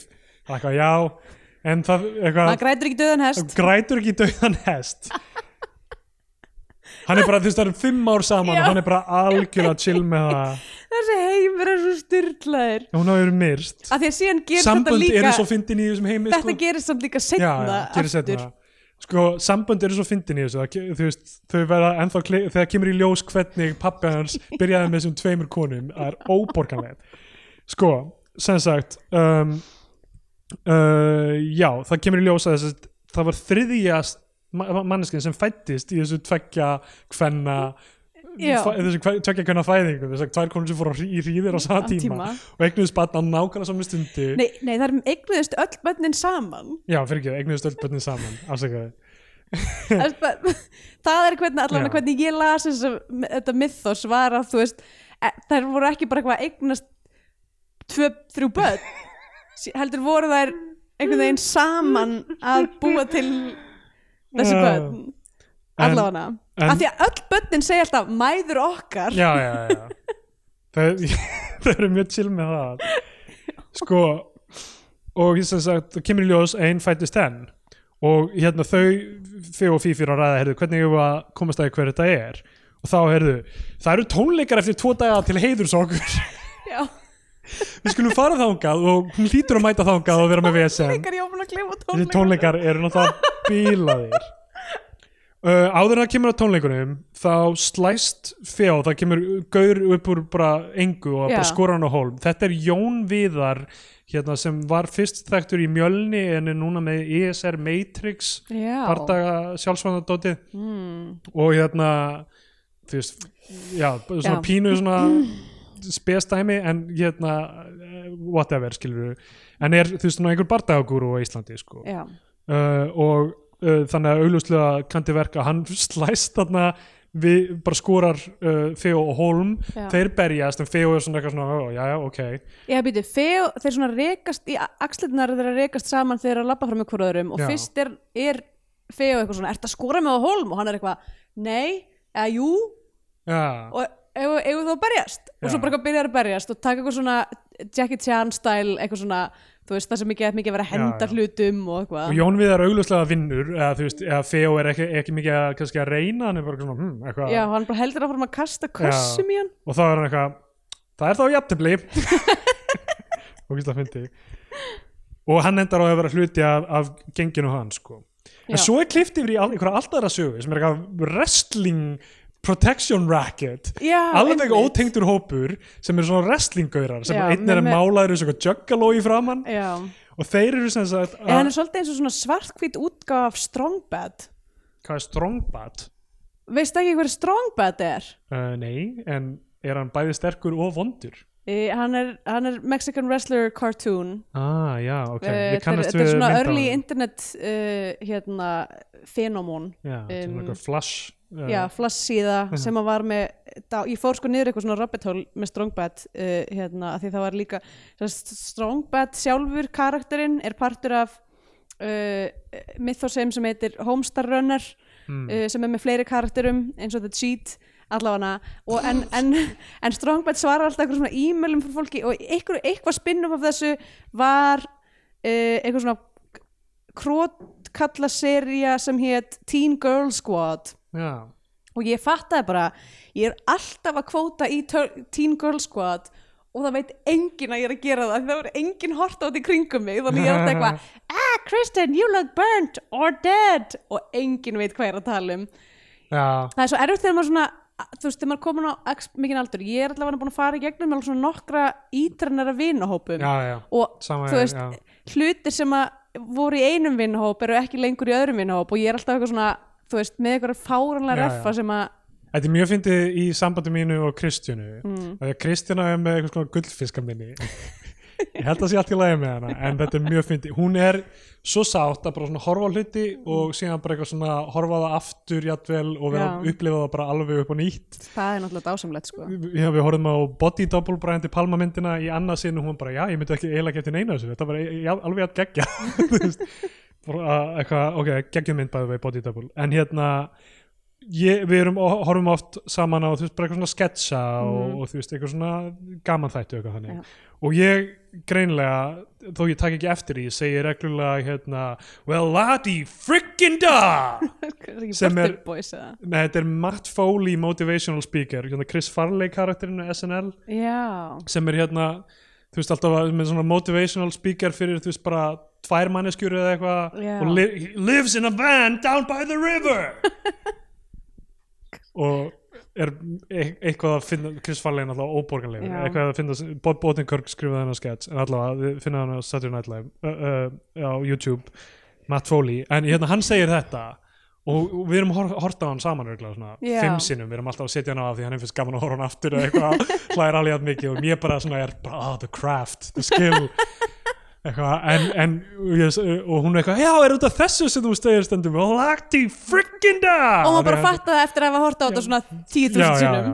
wow, mjög fyndið, og ég man Geggjað. ekki eftir að segja það ég man Já. ekki eftir að ég segja það, ég segja þetta Einmitt. örgulega bara og ég myndi ekki endilega að væri úr þessu, þetta er bara svo fast í mér sko já, en uh, já, stundu segir maður eitthvað svona og fólk, þú veist, þetta var náttúrulega þegar maður var unglingur eða batn og var bara svona kvóta þú veist, já, eitthvað fyndið og þá var maður fyndin þannig og einmitt fullt af fólki gerir þetta ennþá full, sem fullorðið já, en þú veist, ég gerir þetta líka ennþá fullorðin en ég svona, gerir ráð fyrir að allir viti að þetta sé tilvísun í Já, eitthvað þú að gera- ég er ekki að reyna að gera þetta mínu ég eigin veit ekkert hvað sketch þetta er Ég, þannig að ég nákvæmlega. er bara Þú veist, það er svo fyndið, af því að ég er einhvern veginn vissum og þú hafi sama reynslu heim og ég eða eitthvað ég sko, ég er, ég er eiginlega bara gesjokkt að, að því að ég spurði líka, að því Jón var eitthvað inn í hínu herbygginu, ég var að hlusta horfa á allt Teen Girl Squad og það er mjög skrítið þetta er, þetta er, þetta er talsett af manni sem er að talsetja uh, mexikóskan um, hérna sem sagt, glímukappa sem er að talsetja Teen Girl Squad já, já. Eh, þannig að þetta hljómar styrla og Jón er eitthvað í hinu herbygginu og er eitthvað Andrea, hvað ertu að horfa á? Hérna, þeir eru eitthvað setning hérna When you fall in a bottomless pit you die of starvation eitthvað svona, hljómar svona og ég var bara, uh, augljóslega teen girl squad hvað hanna bara hafði aldrei hert um það áður þú voru ekki hert um það Nei. áður ég bara, ég trú ekki að ég bara einhvern veginn gerði ráð fyrir að allir hefðu verið á internetinu 2002 Já, á þetta er svo homestarrunner.com fyndið sko Já, já þú veist, ég, held, ég held að væri á sama leveli og bara bananaphone og allt það ég veit ekki hvað það er what? Það held ég ekki oh my god, hvað varst að gera þú veist, varstu ekki með tölvu varstu ekki með dial-up eða Hvað, Hvaða ár var þetta? þetta er svona í kringum aldamótin Já, ég veit ekki, það, ég, þú veist, það er bara hmm, Allur gangur á því hvað ég sé líklega Þú veist, ég sá hérna Badger, Badger, Mushroom, Mushroom eða hvað það var já, það er sama, sama Já. bananaphone Já, já, allir ég hef ekki bara séð, þú veist sumt að ég eða hvað ekki já, einmitt En Happy ég, Tree Friends Já, ég horfði aldrei á það, ég vissi hvað það var ok, en allavega, þetta er greinilega miklu Þetta er svo fyndið líka þú veist að því að við erum að gera improv og við erum að gera svona referensa stundum og ég gera allt og mikið af þeim og er, Já. er, þú veist, ekki það að ég hef gert, ekki gert improv basically í ár en Já. þú veist, hérna en ég er alltaf að reyna að vinna, svona að reyna að stoppa mig af af því að ég, vei- þú veist ég, við erum hérna í Berlín með fullt af fólki sem er bara hérðan og þaðan einmitt, og með ekkert með söma reynslu heim nákvæmlega og Eh. Ma- hérna, ma- það, er, það er mjög svona leiðilegt múf þegar einhver hendur á mann einhverjum reffa sem að maður er eitthvað, ég veit ekkert hvað já, þetta já, er það getur verið mjög Veistu, þess að við erfitt, sko. myndum alltaf vera eitthvað svona að vísa í íslenska Nei, kvikmyndir nákvæmlega, sko. ég gerir ráð fyrir að allir viti, þú veist, eitthvað dítilana í, þú veist, kannski, ég, þú veist, O.J. Simpson málinu, eitthvað þannig, Já. eða þú veist, einhverju sem hefur verið millir tannan á fólki nýlega, eða einhverju frægu podcasti eða eitthvað þannig. einmitt Ég, ég var að droppa einhverjum nöfnum úr, þú veist, einhverjum obskjúru nöfnum úr, þú veist, Charles Manson málinu þegar, hérna, ég var nýbúin að hlusta á, hérna, You Must Remember This seríuna um Já. Manson og Hollywood, einmitt eitthvað Bobby Beausoleil og eitthvað, þú veist, eitthvað svona, þú veist, þú ætti ekki að vita hvað fólk þetta er en hérna en þú veist, flesti geta leitt að, þú veist, ef þú hefur verið að gera eitthvað með mér þá getur leitt þetta hjá þér og kannski Já, áttaði á því bara- þetta er ekki stórt atrið því sem ég reyna að ná fram við finnum eitthvað annað game hérna en allavega, þú veist, Já. ég held að ég meina að þetta er bara svona Mhm. stærri skali af því sem flestir g- g- ganga í gegnum með að reyna að gera sig skiljanlega í, með einhver svona menningarreferensum í lífin síni Já, ég veit það, þetta er ógustlega erfitt Þú veist, ég Já, allavega, núna erum við búin að tala um þetta í Já, allan tíma, því við vorum að örugglega- tala um þetta og wrestling meirhlutinn af game. fólki sem hlusta er bara eitthvað, hvað í anskotanum eru það að tala en um ég meina að þið, þið, þið hafa ekki heldur séð öskrandi abbi ballet í leinu Það þannig að við, við getum verið búið að búa þetta allt saman til Svo sem rétt þess vegna, þú veist, ef þú ert að hlusta en þá þessum tímamúti og hefur ekki séð þá mynd þá er þetta bara eitthvað hressandi Já, Á- að tala eitthvað, þau eru eitthvað, oh my god, ég veit hver Strongbat er Trogdor, the Burninator ég veit Come hvað Chris on! Farley er Alla, þetta wrestling teimi er sem sagt með eitthvað svona protection racket, skilur við, þú voru að borga okkur 10% af Já. laununum þínum eða eitthvað, fyrir að bara fá að búa í þessu héraði og þetta Í byrjaði að tala um hérað héraði. það eru hérað á Íslandi eða, svo fyndið, Eh, Það er náttúrulega héruð á Íslandi en Já. þú veist, maður er svo sem ekkert mikið að pæli því já, ég með þú Nema talar, í talar ekki um kvikmyndinni þau í Héraðið. neinu sam, samhengi, þú talar Varstu ekki í um sístur kvikmyndinni héraðið þegar þau voru alltaf eitthvað svona að, þú veist hvað þetta er, þetta er héraðið já, Nei, ok um, Það er hérna í myndinni héraðið Já, Forget it, Jake, it's, It's héraðið, héraðið. uh, okkarlega um, Og svo hérna Já, og svo Enn þú og veist- aftur, eru þarf að vera sýslurnar? búin að sjá Chinatown Já, það er ekki séð tjæna það um, e- Já, svo eru síslurnar á Íslandi sem þú manns bara til þegar þú færð eitthvað svona pop-up sem er bara eitthvað, heitar konur í gullbringu og kjósasíslu vilja svo Það er eitthvað, oh my god Ég set svo mikið af bara svona þunga meðan í mínu, minni personu er bara ég er úr kjósarsýslu Ég er kjósarsýslingur já, já.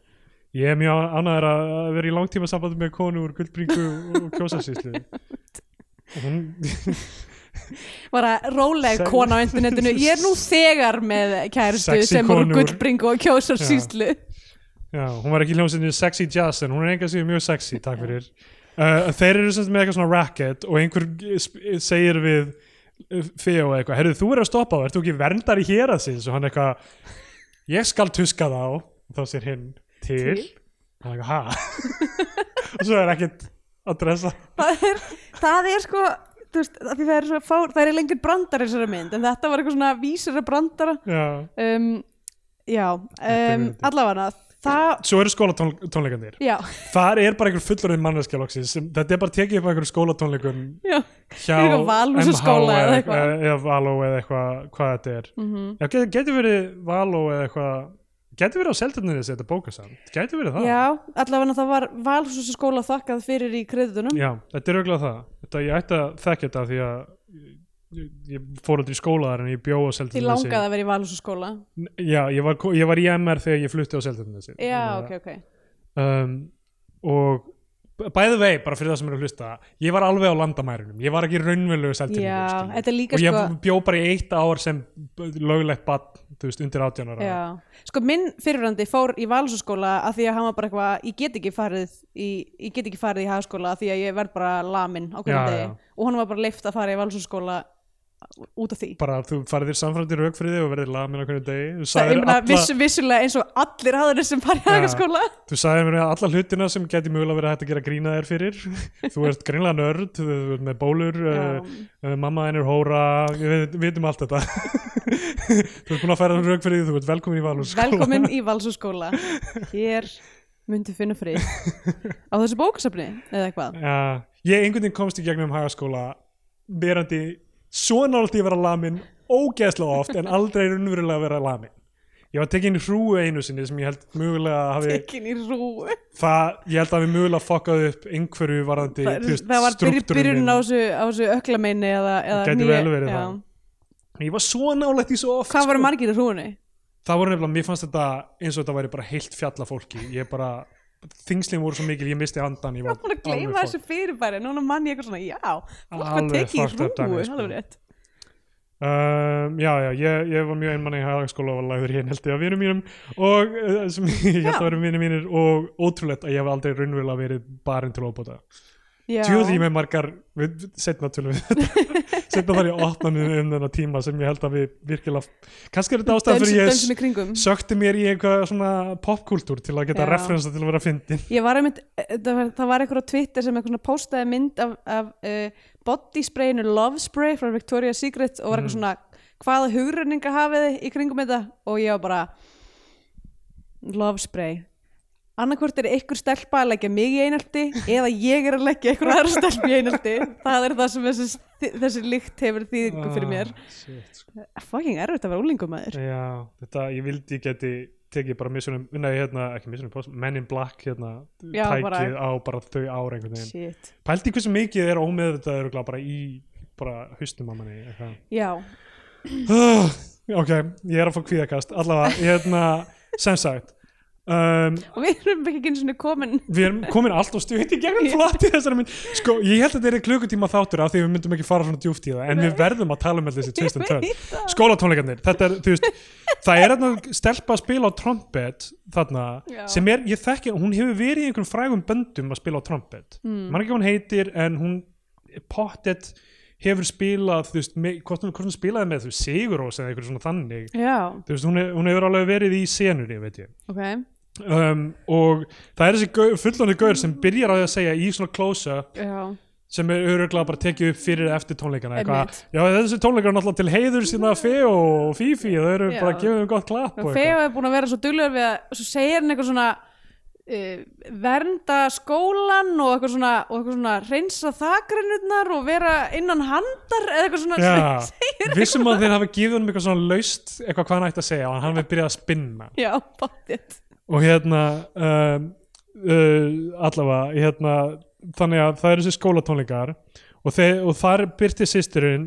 sýsturinn, þeir náu yfirbúana þetta er náttúrulega svo fyndið þau, þetta er náttúrulega brandari, þegar þau yfirbúana bindana uh, við stól Já, og hún, bara, byrjar, byrjar að hlaupa í burtu hleypur af, st- af því að stólinn er laus, hún byrjar bara að hlaupa burti með stólinn bundið við bakið sitt Já hún segir bara eitthvað, herðu, ég er bara farin eitthvað, hleypur Herru, burti þá er ég bara farin og úgeðsla fyndið Hlaupa Oh my god og hérna hún segir þeim eftir að hann gripa hann aftur hún va- ætlaði að drepa þau fyrir mann sem heitir Draco Hart Já, sem er sem sagt, kemur í ljósa er sonur Franco Draco mm.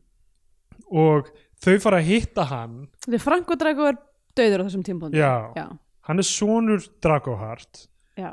um, hérna Leikinn af sama manni leikinn af og- sama uh, manni, Einar Karl Já, um, fara að hitta hann hann er með eitthvað svona ískáp fyrir aftan sig mjög fyndið, hann er eitthvað svona já, eitthvað, d- d- opnar ískápinn, tekur út dósa af Heineken sem er opinn tekur sopa af henni leggur hann niður og þá heyrist á hljóðin í henni að hún er tóm en mér finnst það ógeðsla fyndið um, sko og uh, hérna kemur í ljós að sem sagt kannski var þetta svona, hérna, svona Kubrick stæl þetta var svona 50 ásta takan af þessari senu og hann bara búið með bjórin það ekki gera þetta hérna aftur og aftur það er bara svo fyndið touch sem sagt þetta er, þetta er ógeðslega he- hefi dæmi sem gerist þarna og mjög flókið sko Mhm. sem sagt hún fer, hún er, hún er eitthvað ó ok, actually við þurfum að fa- fara að tala við mömmu það koma ég lengur upplýsingar fram í þessu samtamlu við Dragohart af því að hún þarf að fara til mömmu sinnar og þeir banku upp á og er eitthvað já ok, hérna Já, þau eru sérst að reyna að komast að því af hverju Draco Hart vill drepa þau já, og þá kemur í ljós að í óborganlegri senu það sem kona sem við höfum aldrei séð áður uh, flytur bara monológ og hún og er sem sá sagt monologur er það er eins og hún sé að reyna þú veist það er eins og, eins og hennar innra sæki sé inn í þú veist fucking þarna Beyond Worldinu í Get Out Já. og hún er eitthvað svona að reyna að veiða upp úr sér eitthvað, býtu, ok, nei sem sagt, það sem að gerðist var að eh, ég Já. var, ok, og getur þú upplýsingarna sem koma fram eru þær að hún var ég man ekki hvað kemur nákvæmlega fram í þessu samtali en allavega, Hún var hún var aðstoð- aðstórkona læknisins sem Já. var fullur og hún náði að stila einu barninu, það voru sérst þrjúböld voru þrjú börn og þriðja barnið var þessi kona sem hún síðan þegar hún var hún fullorðin sigaði a- a- eða sem sagt, sigaði á bæði, eða sem sagt, sig- eða sigaði Drago, eða sagði dra, við Drago Hart kærastan hennar já,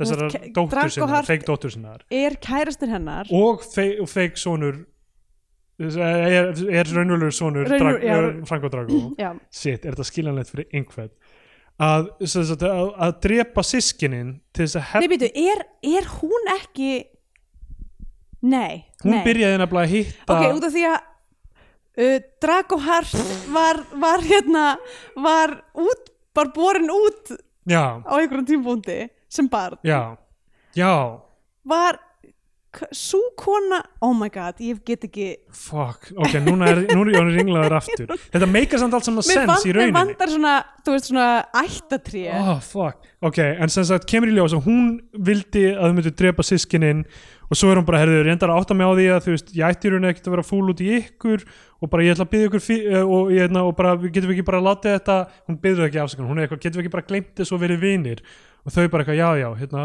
bara við byggjum þig fyrirgefningar Eitthvað já, hana sem reyndi að drepa, láta drepa þau einmitt og svo, þú veist, þá er, og systirinn systir þeirra já, sem að drab Susi já það er bara En einhvern það allt í grætur lagi. ekki döðan hest maður eh, maður gerir það ekki sem er eitthvað mix, mix á þú veist hérna, þú, að, að ekki berja dauðan hest og, og hérna þú- don't cry over spilled milk líklega já, eitthvað þannig, og- en kannski don't er beat þetta bara a dead kannski horse. er þetta hlutur ég held að það sé blanda af tveimur sko, Ó, ok. sem er fyndið Æ, ég meina, ég get flettist upp í en hún, hún Ah, vildi ekki þess að hérna Leo sem sagt, faðir fyrir og einhvern veginn sveik hana sem ég man ekki alveg hvernig gerðist kannski kemur það í ljós þegar við tölum meira um plotið ég nefnilega held að hún hafi verið konan sem að reynda að fara í þrísomið en var hafnað já, það er málið af því að sérna Það hún eitthvað er svona örugglega horfi málið. gegnum grasið og eitthvað oh fuck, hvað þetta fyndi ok, þau sem by- enda á að byggja hana fyrirgefningar Já.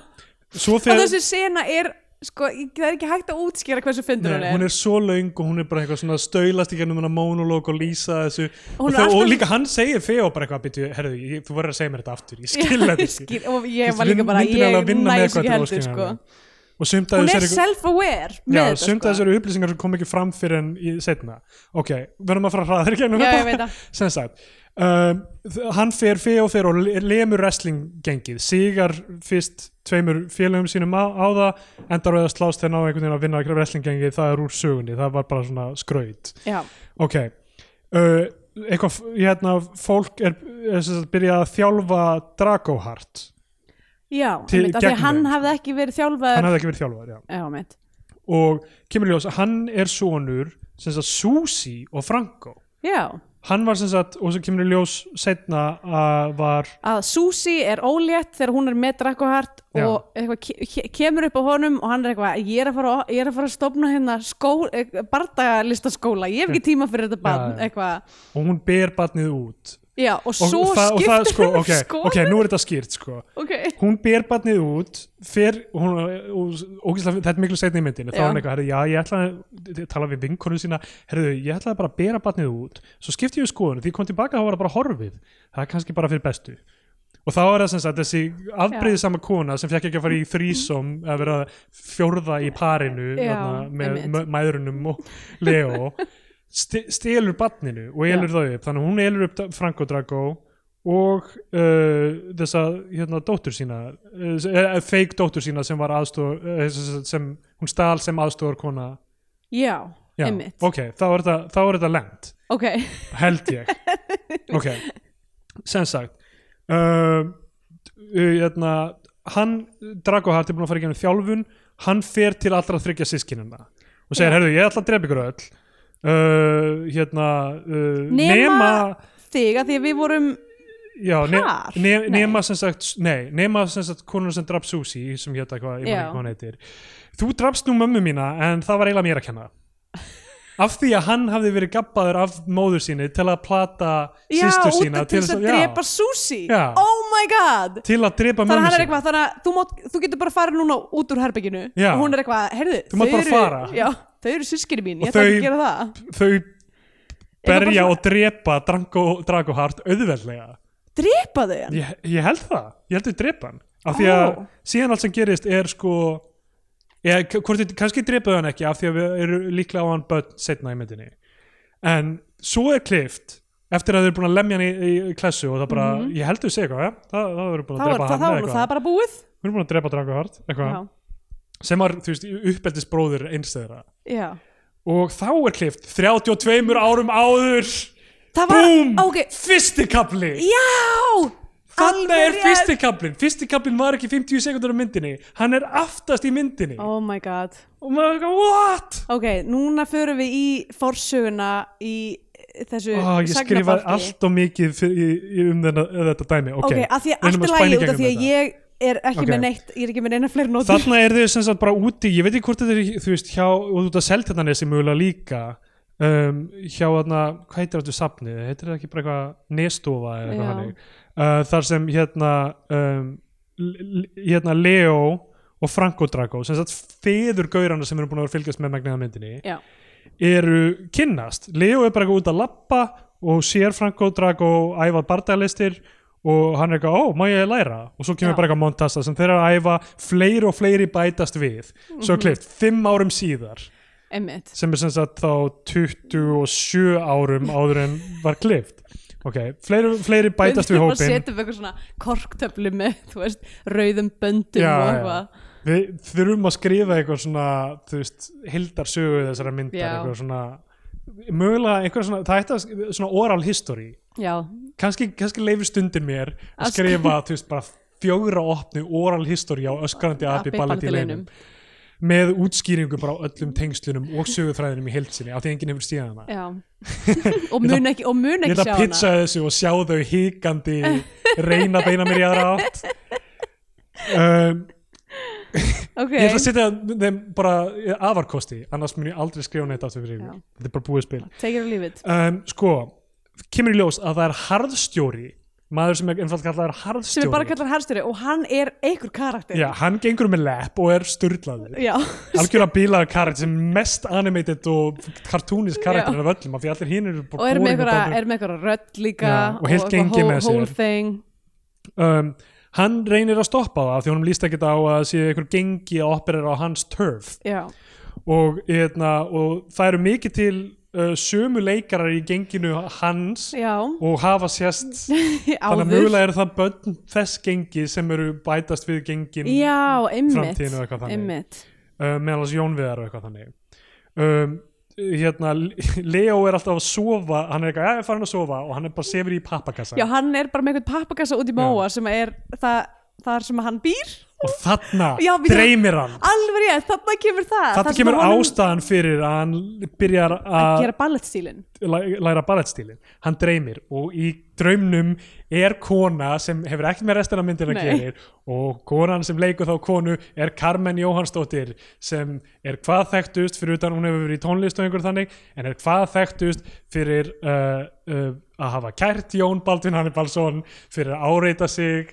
á heimil Jóns Baldvins í Salubjörna á Spáni oh my god og ég þekki það sjálfsögðu vel og, og tala Já. mikið við uh, og ég bara, wow, Carmen er í þessari mynd að leika einhverja personu sem byrtist í Sem draumum er- Hrafn Stefánssonar sem ég þekki einnig Já.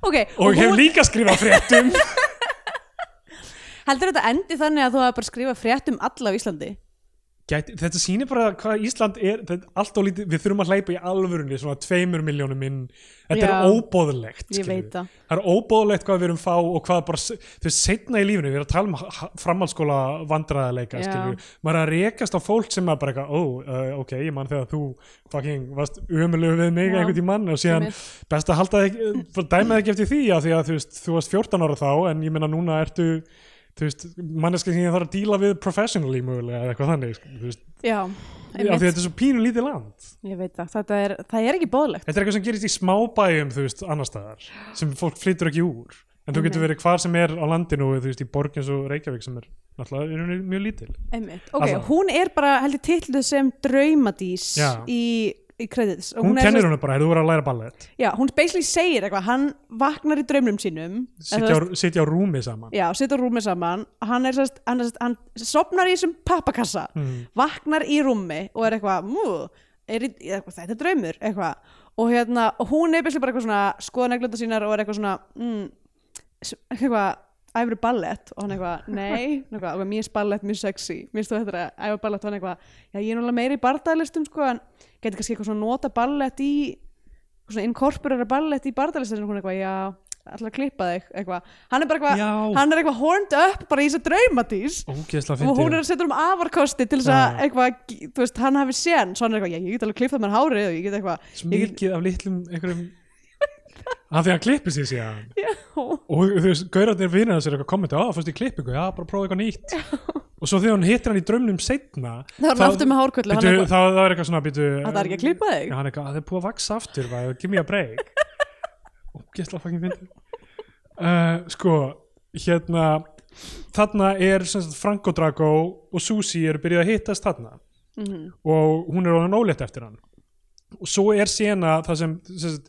uh, Leo er búin að vera að æfa ballettstílin en vill ekki sína Franco Drago af því að hann er með svo uh, skýrar hugmyndir um hvernig bardagalist á að vera já, Eitthvað. eða þess að hann segir, þegar hann er eitthvað svona hvort það var í gufu eða eitthvað já, líka já, nei, áður en að fyrir guðum ok, þá, þá hérna, er hann einn af hinum gæjanum er eitthvað svona, já, ég bara það nú upp við hann af því að hann var búin að vera að æfa með þess, einn af hinum gæjanum var búin að vera að æfa með honum ballettstílin, já, hann er líklega gamli emmi, já, já, sem að er þá í, í þessari tímalínu held ég með afró já, emmi allavega hann hérna segir eitthvað svona, já ég barði nú reyndar upp við Frank og Drago og hann sagði bara ballett að vera fyrir homma þannig að Seinna í myndin er klift í senu þar sem Franco Drago er pínun lítill Já. og einhver segir við hann eitthvað uh, hérna Uh, það er einhver miskilningur þar sem að einhver segir eitthvað já, það eru einhverju tveir svona bullies sem Já. lappa fram hjá honum og hann er eitthvað, ég, eitthvað einn eitthvað að gera eitthvað, bara sittur á bekk og þeir eru eitthvað svona S- þeir eru á leiðin í ballett já, og ballett fyrir þeim er sest, eitthvað eh,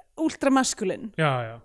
og hann veit Hann, ekki er, hvað- hann er að fara að- hann er, eitthvað, að horfa, hann er þá að horfa á öskrandi apan hann situr á Já. bekknum, er að horfa á öskrandi apan sem er nafni sem hans stíðlega kemur út Já. öskrandi apin er aldrei í mynd en Nei. hann sagði eitthvað að vera eitthvað svona uh, eitthvað súrandi, geðveikur öskrandi api sem hann horfði á og fílaði reyfingarnar og byrjaði að gera þetta Já. hann er að horfa á hann og þeir eru eitthvað, akkur þetta sitja og horfa á hann á öskrandi apa, ég læri bardagalistir og, hérna, og þeir eru eitthvað að við erum að fara á balletæfingu hann segir eitthvað svona Ah, að nei, bardagalistur eru, eru Já, þeir segja, já, hommalegar bardagalistir eru fyrir homma og hann er eitthvað, nei, ballett eru fyrir homma eitthvað, Eitthvað, og, og, svo, svo, og hann lærir alltaf hvað hommi er já, og svo segir Er hann það eitthvað sem hann á að taka út úr eftir, að, eftir að búljarnir fara í ballettíman sinn þá segir hann eitthvað svona hvað sem það nú er já, já. og þ- þ- síðan þegar hérna, f- Leo ætlar að segja Franko Drago frá ballettstílum sem hann er að þróa þegar þessum við sitja saman í sánu Já. þá, þá, þá hérna, og er að forðast að tala um það uh, og er eitthvað svona "Ah, hérna, ballett er nú eitthvað og þá er Frank og Drago eitthvað ballett yfir homma og það er eitthvað já, já, já eitthvað. og þá er flashback yfir í þegar hann var ungur uh, Já. hérna og uh, uh, einhver segir uh, eitthvað, eitthvað um homma og hann veit ekki hva, þú veist hvað það er sko já, þannig að Heldur. hvorur þeirra veit, Veit hvað hommi er. hvað hommi er og já. ég skil hvað Jón Greitar meinar þegar hann nefnir þetta sérstaklega þegar hann sendir mér það Já. af því að þú veist náttúrulega alla myndin er allir að segja eitthvað balletti fyrir homma eitthvað þannig Einmitt. og þetta en það sem er revíl, náttúrulega er netta er að hetjan er ba- ballettdansari já algjörlega sko en þú veist, re- þetta revíl er ekki nóg til að bæta upp fyrir óþægindir sem að finnur alla myndina held ég já, þegar já, maður er eitthvað svona, á þetta er óþara brandari skilur við já, um, það, það, þetta revíl er líka ekki alveg nógu vel útfært held ég nei það finnst ég að segja það um þessa mynd en af því að mjög margir brandar að lenda þá er maður þannig, ó, býtu, já, ég, ég er ekki viss mér hefði fatt hann ef hann hefði verið búin að segja mér það sko. já, ok, um, uh, bara af því að þetta eru ykkur börn að leika og eitthvað, þú veist, Já. eitthvað þannig, allavega, þannig að hann segir honum aldrei frá ballettstílum sínum já, já, nei, já, það sem hann flashbackið byr- er í pappa, hann, hann er eitthvað pappi, hvað er hommi, það er nú eitthvað sem þú verður aldrei já og það er ekkert meira einmitt, og hann er eitthvað, ok, ég verð aldrei hommi en hann Já. veit ekki hvað það er, sko einmitt Uh, þannig að þú veist, þetta lendir ekki alveg, sko nei, einmitt, ok, svo er klifti í nokkrum mánuðum síðar uh, uh, hérna og þar er sem sagt uh, Susi búin að eiga Dragohart já bera hann út, hætta við og þessi stelpa búin að ræna honum þessi Já. kona, kona er búin að ræna honum uh, og það er samt, nei hann finnst á berangri fyrst, fyrst Já. finnst hann á berangri og síðan ge- hérna, uh, kemur þetta í ljós sko. svo er einhver rosa sko bara, bara svo það sé reynu fyrir listendur að þá er þetta mjög viljandi mjög flókið já, já, algjörlega, algjörlega viljandi þetta er, Þú veist, það Það er alveg það séum sem að svo fyndið við reyna þetta. að sko ströggla í gegnum þetta þú, eh, algjörlega by design sko. já, og, og svo er þessi rosa hópsena, þarna slagsmála sena líklega út á Seldjarnesi já, það sem, sem sagt, gengi harðstjórans og gengi Franco Drago og hérna, og Leo mætast emmitt og uh, Leo fer sérstaklega til þess að mæta harðstjóranum einhver staðar Mhm. drepur hann og, og hérna og þarna er held ég hinn þarna gamli með honum og hann er eitthvað, já þú drafst harðstjóran hann var harður stjóri og þá kom ykkur og tvær gellur lappandi já, já, fyrst, skýr, fyrst segir hann eitthvað hvernig drafst hann, já ég hérna með hann stíl, ballettstíl, ég Já. Mm. ætla að kalla hann ballett í leinum og eitthvað þannig og þá koma tvær stelpur, þetta er mjög fyndið já. en það sem er búið að gerast þarna er að í rauninni að því að þeir eru báðir bæði Frankodrago og Leo eru sérst, með sína skóla já, uh, Það er öskrandi svona rift í abi og gangi. ballettileinum Já, já. Já, og, þó- og það er allir búin að joina ballett uh, gengið og, og Franko er í rauninni bara einn þú veist, og það eru svíkin sem að þú veist já, já þess vegna þarna byrjaði misklíð Já, og hann skilur líka Franko eftir það sem eftir að harfstjórnum var búin að eitthvað róta hann eða Já, eitthvað, einmitt. skilur hann eftir eitthvað, hann ratar heim eða eitthvað, já, einmitt hjálp honum ekki hann segi, já, hann, hann er þetta og stelpunar koma tvær eitthvað, hæ, eitthvað, vá, þú ert hérna við vorum að spá hvort að þú myndir vilja vantar þið nokkuð kærustur tvær Já, kærustur tvær. vantar þið nokkuð kærustur tvær, og, og það, hann bara eitthvað, já, já eitthvað, og svo er ein enn sem kemur Svo þarna, sem er kemur þessi eitthvað, Nicole má, Kidman. má ég vera með í má Hann ég- eitthvað- hann eitthvað tvær eru eiginlega alveg nóg, þú komst svolítið seint já Veit, og Og hún þú- er og bara hún er eitthvað, ok. og hún er bara eitthvað í ykkur, ykkur hágras eitthvað Ah. Já, og hún, að þau labbaði burt og það eitthvað, já, já, hvað heiti þið aft- annars? Eitthvað já, ógeðslega- segir eitthvað svona, herri, já, hérna, mjög huggulegan pappakassa hérna, Já, næsta leiti og uh, hérna, sem sagt, svo dreymir hann aftur Carmen og þá er hún komin í prinsessuföt já, uh, en eftir þetta þá ganga sem sagt menn harðstjórans til liðs við Franco Franco, Drago já. og þarna myndast þessi tvö gengi í rauninni og uh, hérna um, og, og uh, sem sagt, þeir eru eitthvað herðu, við viljum ganga til liðs við þig og eitthvað herðu, hann hérna Leo, hann sveik þig og þú veist, hérna um, ég veit ekki hvort hvort hann heldur hann hafi drep, drepið so- son hans eða, eða hvað það er en allavega þú veist, hann allavega sveik þig og tók all, allt gengið þitt, hann er eitthvað að því er ekki að gráta döðan hest, kemur Já. aftur þarna og uh, en, en þeir gang hérna, og þeir sem sagt mætast aftur og það er það sem gerist í byrjuninni í rauninni fla, í fla, flashbackinu já, er að uh, Franco Drago, Drago drepur Leo já, og svo sjáum við þær tvær kærustunar eru óléttar, svo er klift nýju mánuðum síðar við sjáum fulla læknin já, uh, og hvað hann er ógislega fullur aðstofakonan laumar frá einu batni með því að bara setja það inn, inn á í, inn á bólinn sinn bara eh, flíspeysuna sína Já. og uh, þau koma þarna út og hann, hann er eitthvað, ég get svarið að þetta hafi verið þrjú börn og eitthvað ég, en ég er bara ég er mjög fí- fullur og eitthvað já. alltaf og hérna, og hún er eitthvað svona vúp, vúp, vúp, eitthvað sníkla spurt með Já. eitthvað og svona réttir bara þarna vinum Leos börnin, eitthvað, herðu, bara þið þið verða að díla við og það þá er hann eitthvað, herðu, ég ætla að selja húsið mitt og, og borga undir þessi börn já, svo er klift 25 árum síðar sem, sagt, sem er bara rétt fyrir uh, áður en fyrsta tímalíðan að byrja það ekki já ætli það ekki hlýtur að vera ég samt, af því að þar er sem sagt uh, sko ég verð þar að er viðurkenna held að ég þess- sem að- hlýtur að vera Leo já, með tveimur konum eitthvað þau svona eftir kynlíf eitthvað svona að þetta var nú aldrei fínt eitthvað upp í rúmi það, nei, það er sem sagt Feo sem sagt sonurinn já, hlýtur að vera hann hafi líka sofið áður en myndin byrjaði þá var hann nýbúin að sofið á tveimur konum bara randomlega Einmitt. og svo er klift 25 árum síðar og þá er sem sagt uh, hérna hann með ballettskóla eða sonur hans með ballettskóla líklega þannig erum við alveg undir blálókmyndin já, þetta er bara myndin að klárast já, þar er komið nýtt barn sem, sagt, sem heitir eitthvað uh, hérna, Shit. s- já ég held að þú veist, þetta sé sonur feo sem er með ballettskólan Ok. og svo er sonur hans leipur inn í herbe, her, eh, þú veist, herbergið á ballettskólanum og er eitthvað og svo byrtist nýr Franco Drago sem Já. er þá líka batna batna batna batna og það er og er eitthvað ekki Susi þarna líka Jú, það er Susi og þe- þetta eru bara allt afkomendur Já. aftur og þeir eru bara aftur búin að eignast tvíbura eða þú veist, eða tvö saman búin að eignast börn Oh eða my eitthvað God. þannig og síðan er eitthvað svona hvort síðasta línan sé ekki eitthvað svona eitthvað, byrju, hver, hver er aftur hver eða eitthvað þannig, það er eitthvað svona lína já, sem bara eitthvað, eitthvað ég, næ, ég næs ekki alveg já, og svo er bara endir þú já, veist. já já það, þannig, svo mörg voru þau orðum öskrandi að því það ballet í í leinu leinum ymmit, Scandinavian Pain Index sko uh, það er náttúrulega ásýrst að útburður í myndinni já, uh, og beldi og svona þú veist það er alveg já ég veit það ekki, þetta er náttúrulega alls ekki eh, þessi mynd gerist í einhverjum öðrum heimi já, uh, sem er ekki Ísland það á ekki við eiginlega sko Nei, þetta bara áæglega ekki við Ég get eiginlega ekki, ég verð bara að gefa þessu þú veist uh, ég veit ekki, eitt af fjórum órókaldum húsum Já, ætli ég- já, ég gef henni bara ég gef henni svona eitt klukkutíma af átta klukkutíma svefni Já, Uh, þá komum við tímapunktið þar sem gefur myndina hvað sess á flagskip íslenska kvikmynda að fara en íslenska fánan ef við mælum frekar með því að hlustendur horfum einhverja bandarinska Hollywood-dellu og fara um bandarinska bjánan Vilt þú byrja? eða Hvernig hvernig ætlum við að gera þetta? sko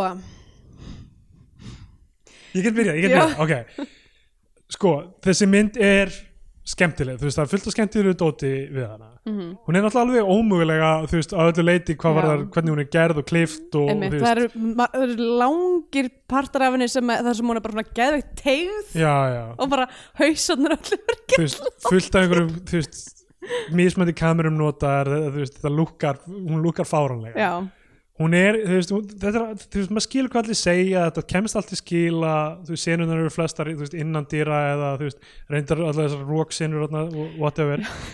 sko, ég meina það, þú veist, hún er ekki ba- samkvæmt neinum mæli hvarða eitthvað svona góð mynd samkvæmt eitthvað svona þannig en þú veist, það sem hún hefur er þessi ótrúlega bara þú veist, hún lætur mig eiginlega skammast mín fyrir að hafa aldrei gert kvikmynd í fullri lengt sérstaklega á þessum árum þar sem að hafði alltaf þessa þennan frítíma og orku og þú veist, bara drifkraft mm, og var ekki jafn gaggrínin á sjálfum hans sig já. af því ef ég hefði gert eitthvað svona þú veist, á þessum aldri þá öruglega eins og Jón Greitar myndi ég hugsa tilbaka og vera eitthvað að þetta var nú ekki nógu vel gert eða þú veist uh, hérna, ég notaði einhvern hommabrandara sem flýgur ekki lengur eitthvað Mm, en fyrir mig sem utan að koma til að sjá það þá bara, herðu, sett þetta beint á YouTube, leiðu fólki að horfa á þetta þú veist, af hverju ekki ég held að allir sem koma að þessu geti bara verið stoltir með það sem þið gerðu mm, þú veist, það er fullt af fyndum bröndurum þú veist, hún er mun, mun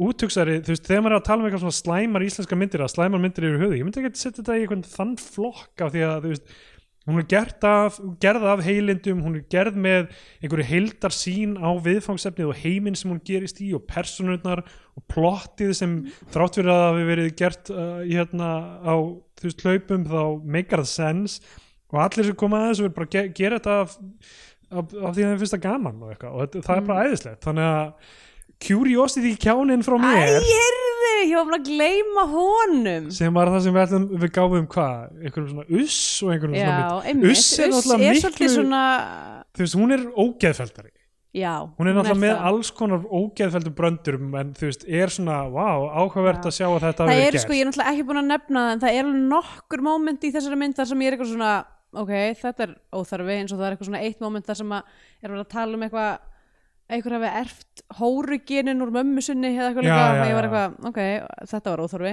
Einmitt. um, Já, ég ég man ekki hvort ég sagði það sérstaklega sko, en þú veist, þegar maður er að tala um sögusviðið það er ekkert eitthvað verið að gera grína asískum, þú veist, Nei, hreim eða hegðun eða venju, þú veist, fyrir utan allt þetta kung fu dæmi náttúrulega, Mhm. sem við tala reyndar alltaf um sem karate og gerist inn í taekwondo dæmi, skilur, Já. þetta er alveg algjört mix einmitt en þú veist, það er ekkert eitthvað, þú veist, einhver hreimur eða eitthvað ekkert tóra augun í sundur og í eða rauninni ekkert eitthvað svona stóra engin- framtennur eða eitthvað grínverjadót skilur. engin sko líka mitológia um eitthvað svona hvaðan þú veist, að- að þeir eru að þróa sína eigin stíla út frá Al- eitthvað svona þú veist, algjörlega uh, þannig að það er touched a bullet Já. there sem að margir hafa orðið fyrir þeirri kúlu og fallið Einmitt. En ég hérna, þú veist, ég man ekki hvort við mælum með Dótið þegar við gefum Curiosity kjánan en ég ætla að mæla með Barb and Star Go to Vista Del Mar já, já, eftir að horfa á hana sem var að koma út og ég er bara, ég er bara eitthvað, wow, það eru komnar grínmyndir aftur, skilur. Já. þetta er þú veist mynd sem hefur bara það markmið að vera fyndin eins og oft og mikið og hægt er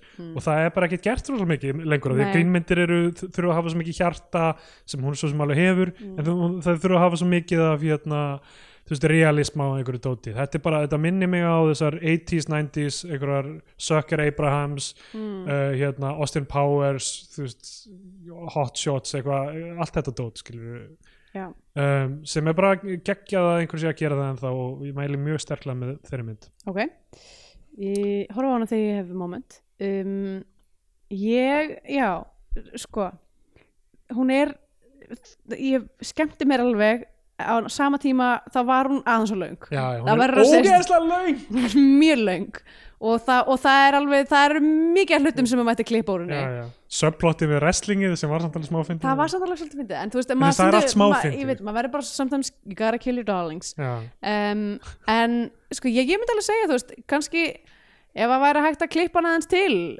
stýtt hana örlítið, þá myndi ég henda hana á YouTube sko, ég veit ekki alveg hvort að mögulega allt mætti, þú veist, að ég veit ekki það er kannski, já, já. kannski á hún Kannski bara hægt að að vera gera í eitthvað director's cut ef, ef Jón dæ- Greitar hlustar á þann þátt sem ég vona að gera eftir að hafa auðvelda okkur og horfa á myndina já, einmitt, þá hérna, bara, getum við kvartan til þess og ég meina þó að sé eitthvað director's cut það sem hann fjallar er eitthvað sem hann fílar ekki lengur einmitt um, það er eiginlega bara plus ef, það er eitthvað, ef hann fer eins og George Lucas í myndina og eitthvað ballettir fyrir auðmingja nákvæmlega.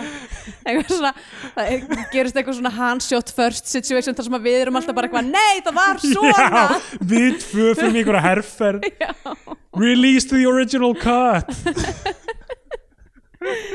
hérna en já, þannig að þú veist hún er ekki hún er augljóslega ekki vilgerð eða þú veist, hún er ekki, hún er ekki gerð eh, með neitt budget og hvað um, ég hafði samt alveg gaman að ég horfa á meir hlutun af henni Já, þú algjörlega. veist um, náttúrulega undir lokin þá, þú veist í, e, bís- eiginlega sko þú veist það mætti hraðast upp þetta rugl Já, eiginlega er það sem ég myndi helst, helst segja því að þú veist, það var þarna einhver partur það sem ég var eitthvað byrju, þetta er augljóslega allt komið í eitthvað rugl, ég veit ekkert hvað er að gerast Já, já. en akkur eru ennþá 20 myndir eftir að myndinni Ah, Það er fucking fyndið þegar verið að útskýra allt rugglið í þessum senum ég veit það og þessi fucking kaplaskipting þetta annar kapli, þriði kapli, Já. fyrsti kapli ég öskraði mér fannst þetta 30, ógeðslega fyndið 32 maður árur 25 árum síðar, Æ, maður er bara eitthvað hvar er, hver er Já. tímalínun það er verið hérna? að hafa svo mikið gaman Já. Já.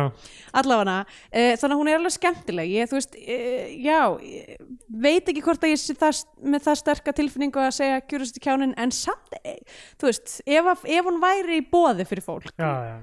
Þú veist, það er ekki en hægt að gera- núna þú er veist, ég bara að segja hlut sem er ekki í bóði Þú getur eiginlega ekki mælt með henni þú veist, með, með eitthvað íslenski fánin og flagskipi þú getur ekki verið bara eitthvað hérna, herðu, horfðu á þessa mynd þú þarft að vera ma- þegar spenntur fyrir þú veist eitthvað svona eins og við eitthvað svona completionisma við erum að horfa Já. á þessa mynd, pældi ég við sem að horfa á þessa ég mynd veit það hún er óaðgengileg Já. og við bara eitthvað þú veist, röfluðum í þú veist, leikstjóranum Einmitt. og erum ennþá að senda út posta á þessa leikstjóra sem hafa ekki s- s- þú veist, og sem er ekki núna er þátturinn að skrýða upp í lengdin á við erum myndinni búin að tala um hana jafn lengi hún er, við eittum fjórum klukkutímum í myndinu öskrandi appi ballið til einu sem enginn hefur séð Einmitt. Þess, ég get ekki sagt öðrum að eyða þessum tíma eða Rétt. helmingnum á honum í Nei. þessa mynd, en það er ekkert eitthvað vestanýtingin á tíma heldur Nei. frekar horfa á þetta en að horfa á þú veist, einhvern ný- nýjan hérna, undirheima glæpa viðbjóð sem þú veist, Einmitt. ég held að ég ætla það, það var Það er svo ekkert lend, nýtt í, sko. lendingin hjá mér er basically bandarskipjánin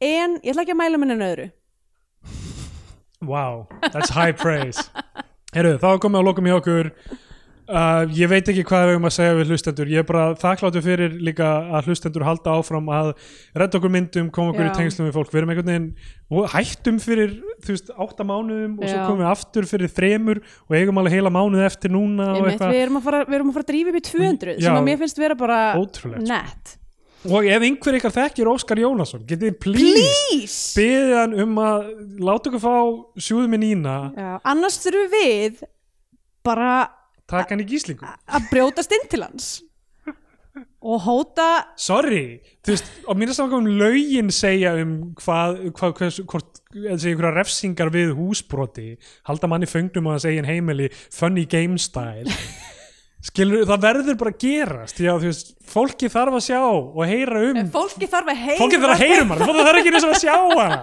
fólki þurft að heyra um öskandi Abbi Ballet í leinum og það þarf að heyra um sjöðum sjöðuminina uh, já, þannig að uh, endilega, Óskar Jónasson uh, slide into my DMs já, já, þannig að bara nú er þessum þætti lokið Já, og lati frökkinda Ich hab keine Baseballkappe. Baseballkappe, Baseballkappe, keine Baseballkappe. Nämlich weder spiele ich Baseball noch scheint mir die Sonne ins Gesicht. Keine Baseballkappe. Baseballkappe, Baseballkappe, keine Baseballkappe. Nämlich weder spiele ich Baseball noch scheint mir die Sonne ins Ich höre erst Gesicht. keine Baseballkappe. Baseballkappe, Baseballkappe, keine Baseballkappe. Nämlich weder spielst du Baseball noch scheint dir die Sonne ins Gesicht. Keine Baseballkappe. Baseballkappe, Baseballkappe, keine Baseballkappe. Nämlich weder spielst du Baseball noch scheint dir die Sonne ins Ich Gesicht. hab keinen Plattenspieler. Plattenspieler, Plattenspieler. Hab keinen Plattenspieler. Außerdem spiele ich weder Baseball noch Plattenspiel ich nicht. Hab keinen Plattenspieler. Plattenspieler, Plattenspieler. Ich hab keinen Plattenspieler. Außerdem spiele ich weder Baseball noch Mir Plattenspiel kannst ich Ohren, du nicht. hast keinen Plattenspieler. Plattenspieler, Plattenspieler, kein Plattenspieler. Aus dem Weg des spielst du Baseball und noch Platten spielst du nicht. Kein Plattenspieler. Plattenspieler, Plattenspieler, kein Plattenspieler. Aus dem Weg des spielst du Baseball und noch Platten spielst du nicht. werdet ihr endlich begreifen, gute Musik macht man nicht nur aus Schleifen. Wann werdet ihr endlich begreifen, gute Musik macht man nicht nur aus Schleifen. Ich bin ein Klangklitzeschieber. Klitzeschieber, Klitzeschieber, Klangklitzeschieber. Aber eine Baseballkappe tragen oder einen Plattenspieler haben kann ich nicht. Klötzeschieber!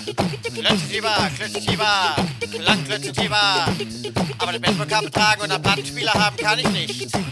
In der Stadt geht das Gerücht, du wärst ein Klangklitz. Halt, nein, nein, nein, nein, du bist kein Klangklitz. In der Stadt geht das Gerücht, du wärst ein Klangklitz in Chiba.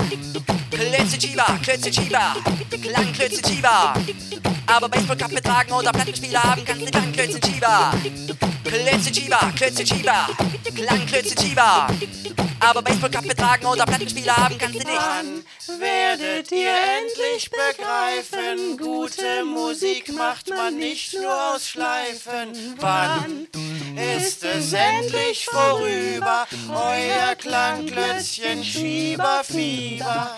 Wann werdet ihr endlich begreifen, gute Musik macht man nicht nur aus Schleifen? Wann ist es endlich vorüber, euer Klangklötzchen Schieberfieber?